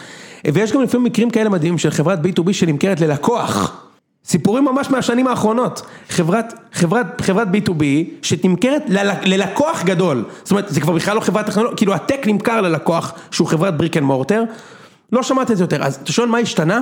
Dynamic Yield.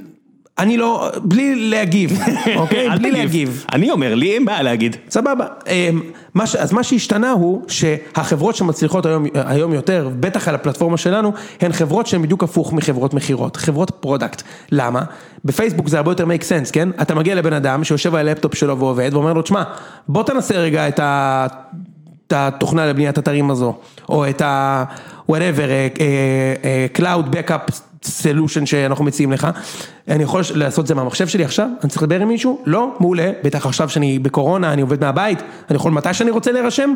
או שאני צריך לקבוע דמו עם איזה מישהו בעשר שעות הבדל כשאני עובד עם הילדים, אה, אני יכול עכשיו מהלפטופ?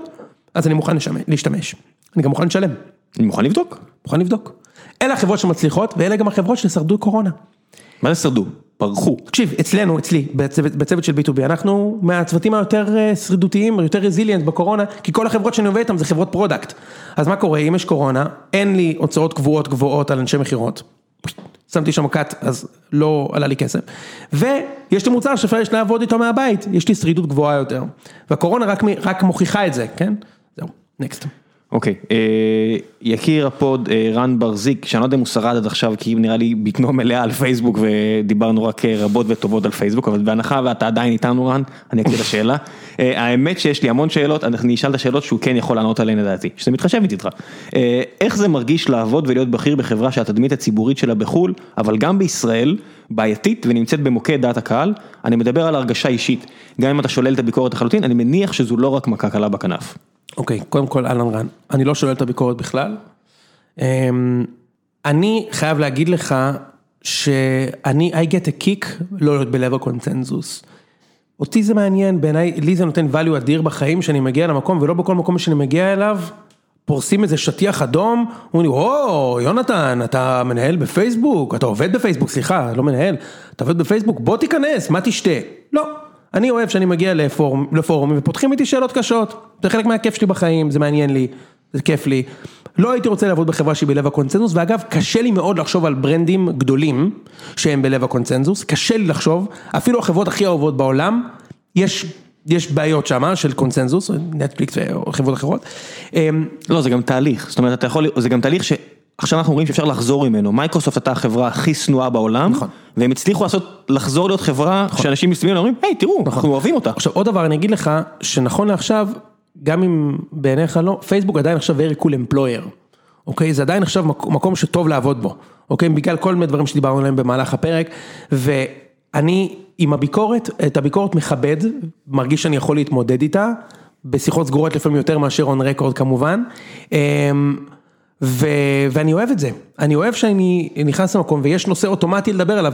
אגב, לי יש גם חיבה גדולה לכדורגל, בעיניי כדורגל זה השפה, מי שלא יודע את זה, זה השפה המשותפת הכי טובה בעולם. זה כמו לדבר עוד שפה, שהיא אנגלית, אקוויוולנטית לאנגלית, אוקיי? אני נכנס למקום, זה לא משנה אם אני אדבר עכשיו עם, עם CEO של חברה בדנמרק, קרה לי, או עם, אה, לא משנה, הירקן. במורד הרחוב, אנחנו באותו, באותה רזולוציה כשאנחנו מדברים על כדורגל. עכשיו, זה, לעבוד בפייסבוק, בכל הארבע שנים שלי אגב בחברה, תמיד היה משהו מגניב לדבר עליו, אוקיי? תמיד היה נושא חם לדבר עליו, ובעיניי זה אחלה.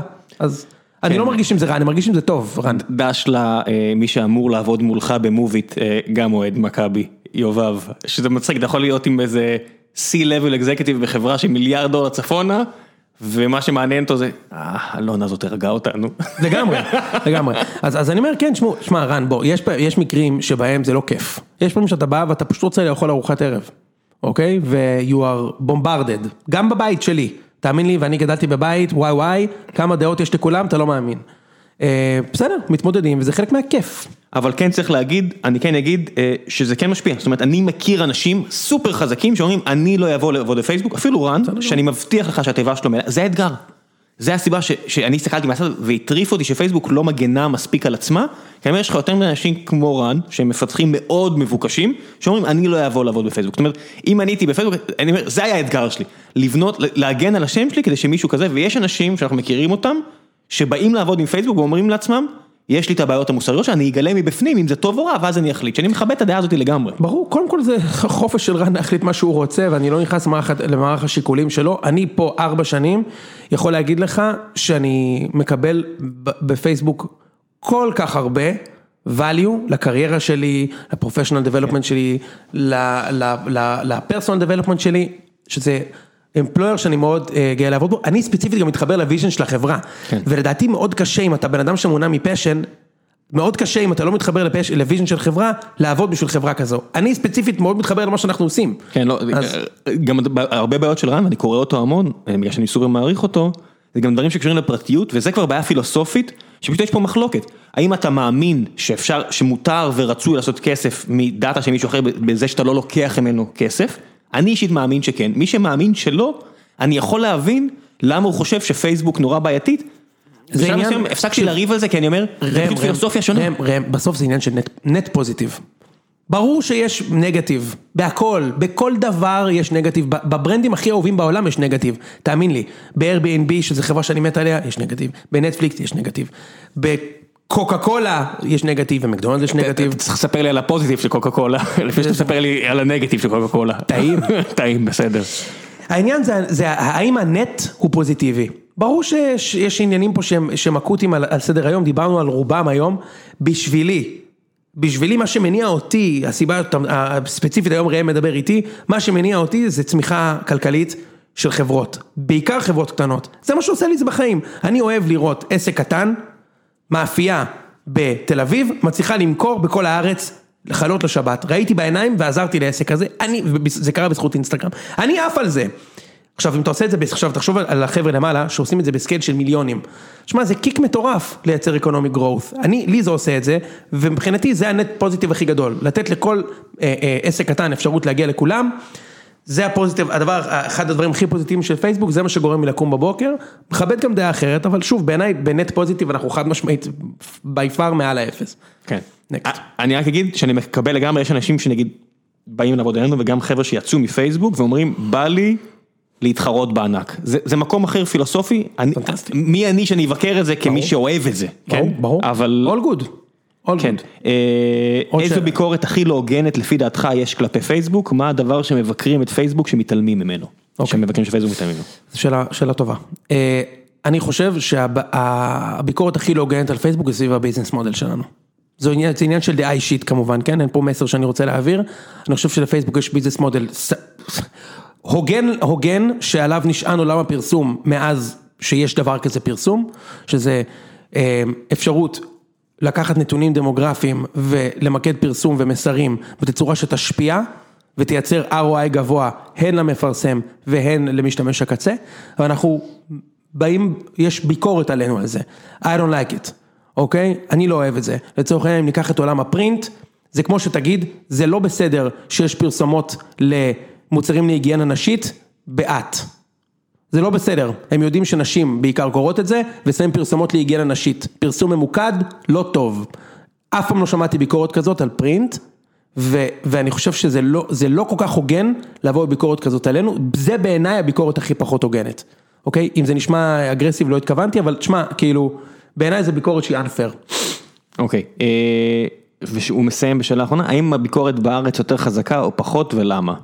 אני לא יודע, אני לא יודע אם יותר חזקה מחו"ל, במה שאני כן יודע שמבוסס על האקספיריאנס שלי ושל החברים שלי, היא שבגלל שאנחנו עובדים עם המון חברות טק, בניגוד לצוותים האמריקאים שעובדים הרבה פעמים מול ברנדים אמריקאים גדולים שיש להם שיקולים נוספים, אני מרגיש שאנחנו עובדים אה, תחת פחות ביקורת, אה, בטח מהמגזר העסקי, אה, מאחר שחברות טק הרבה פעמים מבינות אתגרים של טק, כן?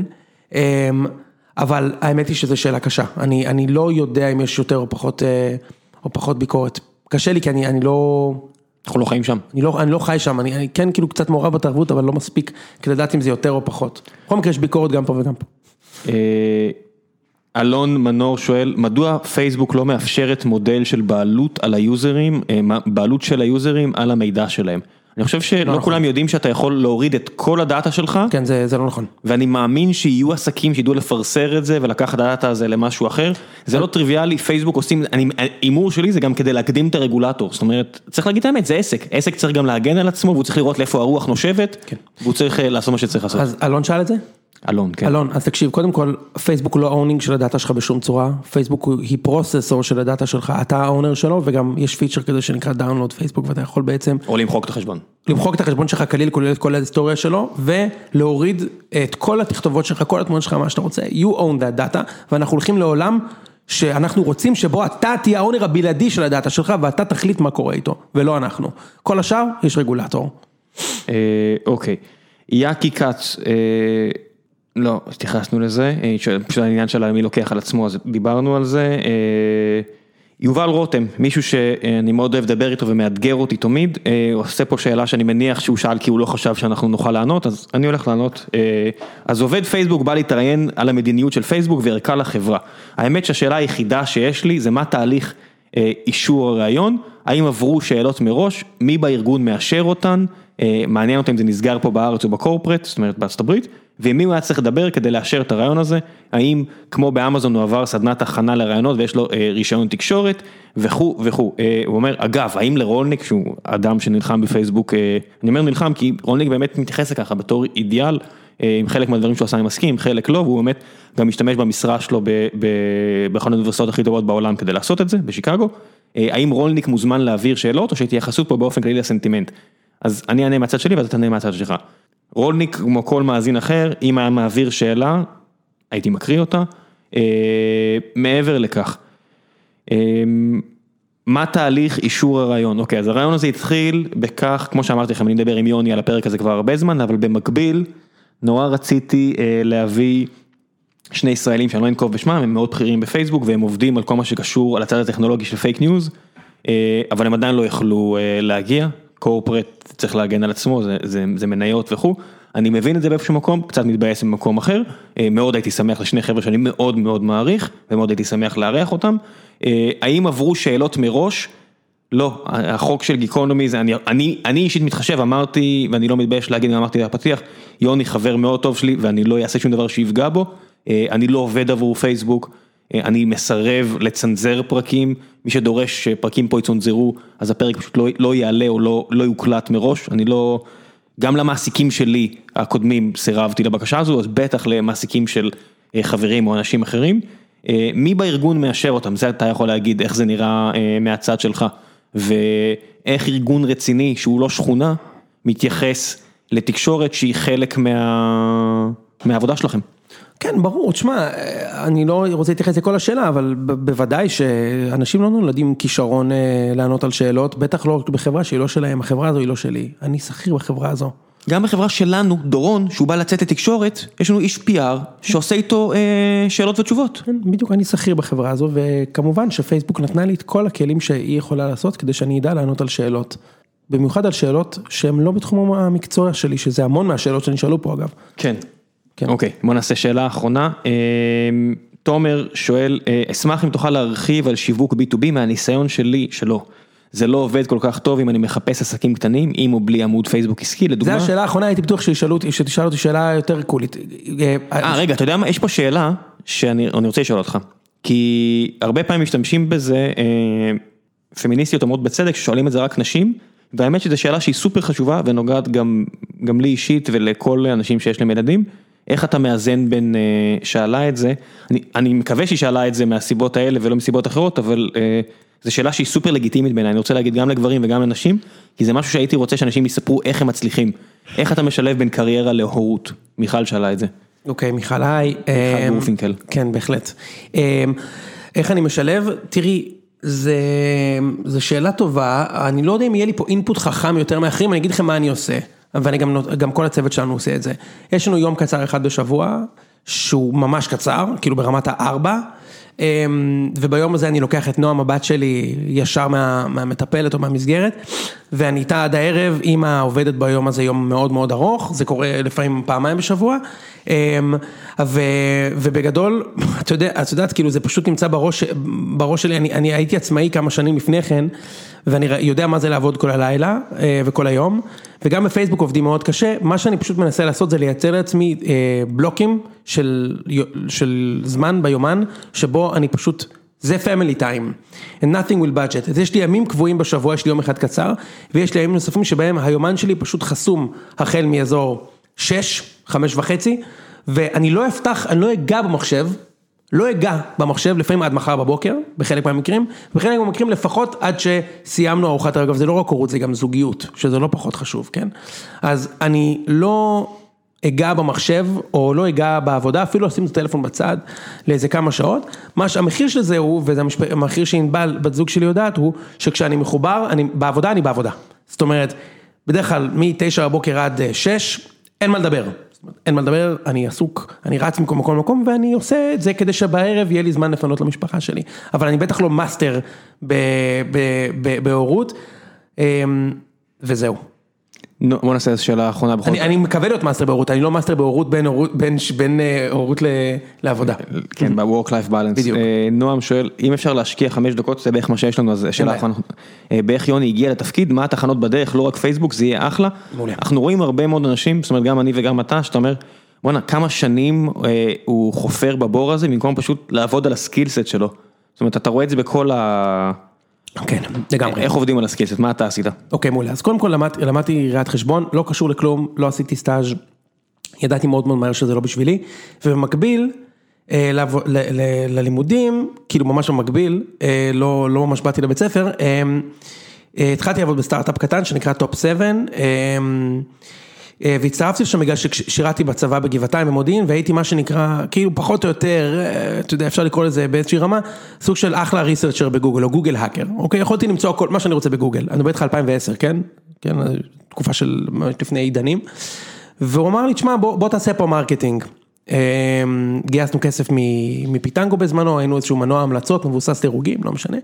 הייתי beta user של פייסבוק Ads, וזה מה שידעתי על עולם השיווק, כאילו native, בניתי את העמודי פייסבוק שלנו. אה, קניתי מדיה בפייסבוק בסקיילים גבוהים, וניסינו לבנות איזשהו brand נחמד סביב הדבר הזה. עשיתי את זה שלוש שנים, ואז אה, ממלא סיבות שאין לי כוח לדבר עליהן עכשיו, אבל עשינו כל כך הרבה טעויות, ולא רק אנחנו, אה, סגרנו את החברה הזו.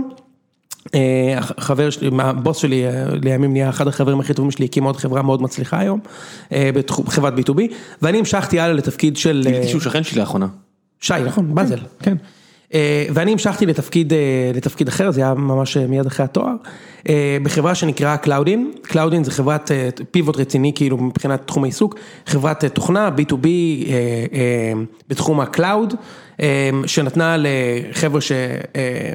שהתשתית הענן שלהם היא על, על אמזון או על גוגל או על מייקרוסופט, אפשרות לעשות אופטימיזציה לעלויות שימוש בענן. ואני לקחתי שם תפקיד של growth, אוקיי? תפקיד של growth אומר שאני הייתי ה hire הראשון ב marketing שהוא לא אשת ה-PR שהייתה בחברה, והמטרה שלי הייתה להגדיל revenue, אוקיי? לייצר מנוע צמיחה לחברה דרך המוצר, זאת אומרת להביא SMBs שירשמו למוצר, וגם להכיל את אנשי המכירות הברית בלידים. ואני באתי עם ראש של B2C בתוך הדבר הזה, מאוד B2C, כי זה מה שעשיתי שלוש שנים קודם, וניסיתי לקחת את הטקטיקות האלה לתוך העולם של B2B, ובניתי פאנלים שמתחילים בפייסבוק ובלינקדאין, הייתי מהמפרסמים הראשונים גם בלינקדאין, במזל, כן? וכמובן בגוגל לא הייתי מפרסם ראשון, אבל כמובן גם פרסמתי בגוגל, ב scale גבוה, בניתי את ה funnel, עמודי נחיתה, מיילים, סגרתי את ה loop, וזה הצליח, זה הצליח ממש. זה הצליח ברמה שמאוד מהר אחרי שהצטרפתי, כשאני הצטרפתי לחברה הייתה כמעט bootstrap אחרי seed ואחר כך גייסנו 17 מיליון דולר מוויולה וזה הצליח, בסופו של דבר החברה הזאת נמכרה גם למייקרוסופט אגב בכמה עשרות מיליון דולרים בלי להיכנס למספרים מדויקים. ואז הרגשתי שיש לי, ש-I'm the shit, אפרופו עושה טובה לפייסבוק, אמרתי שמע בואנה יש פה איזה שריר שאני, יש לי של performance, בוא נעבוד בכמה עבודות ואז פתחתי חברה קטנה, קטנה מאוד, קראתי לזה קוקי ג'אר, ומה שעשיתי זה marketing לסטארט-אפים. עבדתי עם חלק מהסטארט-אפים, חלק מהסטארט-אפים עדיין קיימים ומצליחים, חלק מהם כבר הרבה פחות. ואותו דבר, אותו service, תשמעו, אני מצטרף לחברה ואני אמור לבנות hockey stick, שהוא מנוע הכנסות, שמבוסס רק על, על performance marketing. hockey stick גרף שנראה כמו מספר חולי הקורונה בארץ היום. כן, לגמרי. אני, זה מה שאני, זה מה שאני, זה הפורטה, כאילו זה ה trade, ה trade הוא, תשמעו, תנו לי budget. אולי קצת resource, אני אבנה פה funnel שאנחנו נדע בסוף התקופת המבחן, האם שווה לנו להשקיע ב performance marketing או לא, ואם כן באיזה צ'אנלים, זה, זה ה service. עשיתי את זה שנתיים, הלך טוב, מתישהו, כמובן בלי משרד, כאילו עבדתי הכל מהבית, לא, אף פעם לא ראיתי את הvalue בלקחת משרד שאתה עובד לבד חוץ מכאילו לא לעבוד, אם אתה רוצה לעבוד אז תעבוד, תעבוד. אין טעם בלעבוד, בלהגיד לאנשים שאתה עובד ולשבת באיזה משרד משותף, אף פעם לא הבנתי את הקטע, כאילו אלא אם יש לך איזה משהו בבית שאתה לא יכול לעשות, If you can afford, אני אז לא, לא היו לי ילדים וזה היה לי הרבה יותר קל, היה לי מאוד חסר צוות, ואז הייתי, באותה תקופה הייתי, הייתי לקוח מאוד גדול של פייסבוק, כמפרסם, כי עבדתי עם סטארט-אפים שמפרסמים על פלטפורמה, וכך הכרתי את עדי ואת ענת ואת עומר ואת רועי ואת גיא, ו... ואז הציעו לי להצטרף.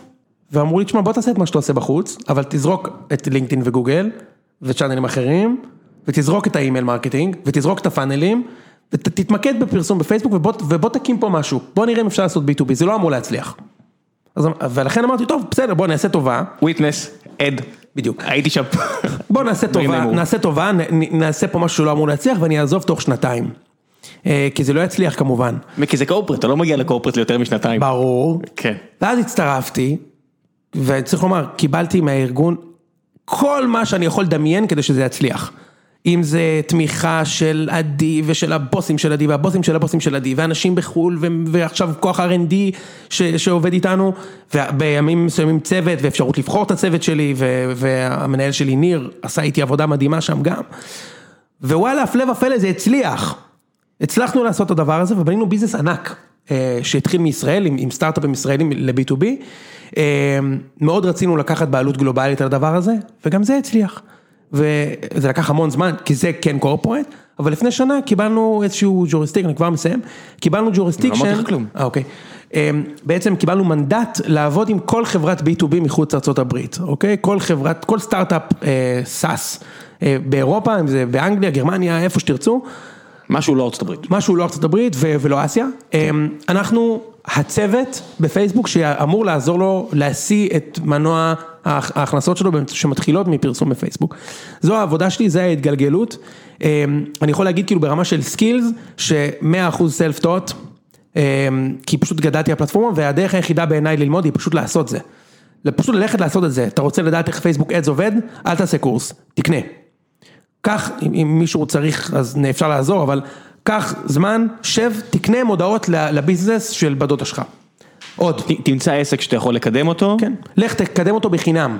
תתחיל ככה, תעשה אותו דבר בעוד network ים שמעניינים אותך, תתחיל ככה, אחר כך תבנה, רשימ, אה, תבנה ניוזלטר, תלך ל MailChimp או מה שאתה רוצה, תבנה, תראה איך הדבר הזה נראה, תשלח, תראה איך זה מתנהג. הכל ממגע בתוכנה, כן? הכל הגיע משם. קיצור, זה המסלול. והיום אני כבר כפול זמן ממה שתכננתי בפייסבוק, והאמת, זה עבר מהר. וזה היה כיף. זה סימן טוב לזה שאתה במקום הנכון. טוב, נסיים את הפרק עם אה, המלצות. יאללה, המלצות על מה? המלצות על מה שבא לך, אנחנו במילא חופרים בפודקאסט השני בציון שלוש על אה, המלצות וכאלה, אז יאללה, יש לנו איזה ארבע דקות לפני שאני הופך ל pumpkin ורץ ל- ל day job. יאללה, מעולה, אז המלצות. אז אני מאוד ממליץ על, פייסבוק. פייסבוק. ממש, יאללה, זה, יאללה, אם האינטרנט יתפוס, זה יתפוס. אבל צריך כן. שהאינטרנט יתפוס. כן. סתם. אוקיי, אני התחלתי עכשיו לראות Survivor אמריקאי, לא ישראלי, season 40, תקשיב, וואו. תהרוג אותי, נו, וואו, תספר לי. קודם כל נתחיל בזה שזו עונה 40. הם כבר 20 שנה, ועכשיו זה אמריקאים, 20 שנה שתי עונות בעונה, עונת חורף, עונת קיץ. הם לקחו לכבוד עונה 40, שים לב, כל ה-20 מתמודדים זה 20 אנשים שניצחו. 20 אנשים שזכו ב Survivor, כאילו זה הזוי, והביאו את כל ה-20 האלה להיא לעונה מטורפת מטורפת, וזה ערוך כל כך בצורה מוקפדת, זה, הישראלי כל כך הרס את זה, שאתם לא זוכרים כמה טוב זה Survivor, אז כן, אני אוהב את ה trash הזה, אפרופו שילוב בין, אה, בין, יש שילוב בין הורות, קריירה וטמטום, אז בין הורות, סליחה, בין קריירה להורות, צריך מתישהו לעשות defuse, לטמטם את עצמך לרמה שאתה יכול להיות רך, לצאת רגע מלהיות כאילו, אתה יודע, cut throat בביזנס וזה, אז אני רואה Survivor, that's great, חוץ מזה, סדרה שאני מאוד ממליץ עליה, נטפליקס, greatest events of World War II in color, עשרה פרקים, דוקומנטרי, על מלחמת העולם השנייה, סיפורים שלצערי מערכת החינוך הישראלית אתה פשוט לא לומד, אוקיי? מבחירה. אתה לא לומד כי ככה בוחרים, אתה לומד בישראל, על, ש- על, על, כמובן שזה חשוב, כן? על, על השואה, והפרק שם על השואה הוא לא פחות טוב. אה, ראית מה- את זה? כן, זה- זה זה דוקו מופתי. מופתי. תקשיב, אני מת על מלחמת העולם השנייה, ו- וסבא שלי היה בחלק מהקרבות שמדברים שם, והוא הסכים לספר. לי את זה לפני ש- שהוא הלך לעולמו, ולמדתי, אתה מבין, קראתי ספרים ועדיין, בדרך, אני בדרך כלל לא לומד מדוקוים כאלה כלום, וזה לא רק, הם, זה פשוט הציג, העובדה שהם מביאים את הסיפור שהוא יוצא מהנרטיב הרגיל. זה כל כך נכון, אז כן. אני אסביר לך מה קורה שם.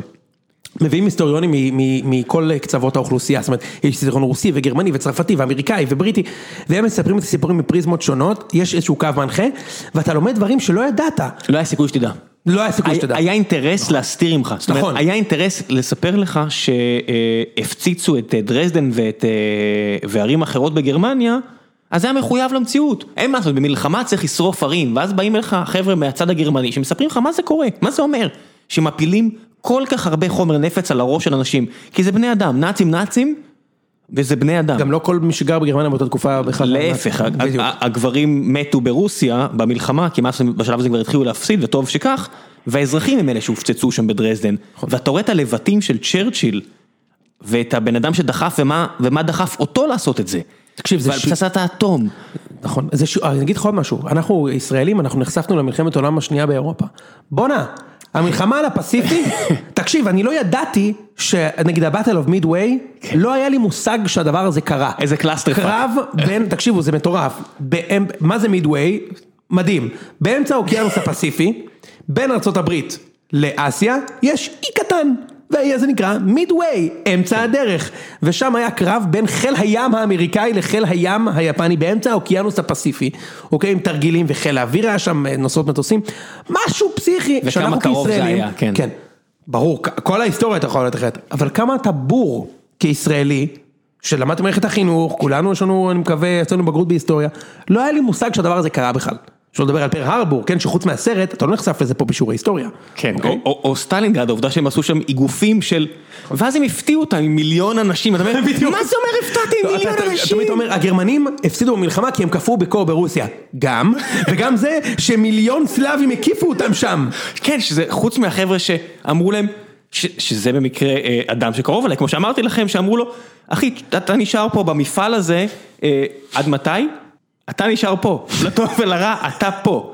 מה, יקרה? אתה פה. אתה פה. ואתה אומר, what the fuck. לגמרי. אוקיי, ההמלצה האחרונה, נמליץ על אוכל. אה, וולט, סגר אולי יחזור, אני מאוד ממליץ על ה deli של הברבוניה, שימו לב, אתה מזמין את הברבוניה הביתה, מי שאוהב את הברבוניה בתל אביב, אה, בבן יהודה. אה, אתה יכול להזמין דג טרי, לזרוק אותו בתנור, 20 דקות יש דג בן זונה, סליחה על הקללה, וכל הסלטים. בגודל מפנק, אז יש שם, אתה מוציא כזה, אתה יודע, סלק, אה, חריף, אה, אה, כרוב וזה וזה וזה וזה, עושה לך ארוחה, כאילו אתה פותח שולחן במסעדה, רק אתה עושה את זה בבית. רמי, מול- רמי, אתה יודע למי לשלוח את הצ'ק. בדיוק, רק אתה עושה את זה מול, קוראים לו רמי, לא מול greatest events of World War II in color, אה, אלה שלושת ההמלצות שלי. המלצות נהדרות, אם באמת קוראים לך רמי, צור איתי קשר, כי פרסום בפודקאסטים עובדים, נעשה אטריביושן עם המילה ציון שלוש או גיק, ותאזינו ציון שלוש בכל הנתון וגיקונומי, כמו שאמרתי בפתיח, נראה, עוד- עוד ארבע שנים עושים עוד פרק? אפילו פחות. מעניין איפה נהיה. אה, יש לי את ההימור שלי, אבל אני לא אחלוק, כי אני לא רוצה לעלות לאנשים אחרים בעבודה שלהם, שאני מקווה שגם הם יתקדמו. טוב, ביי. תודה, ביי.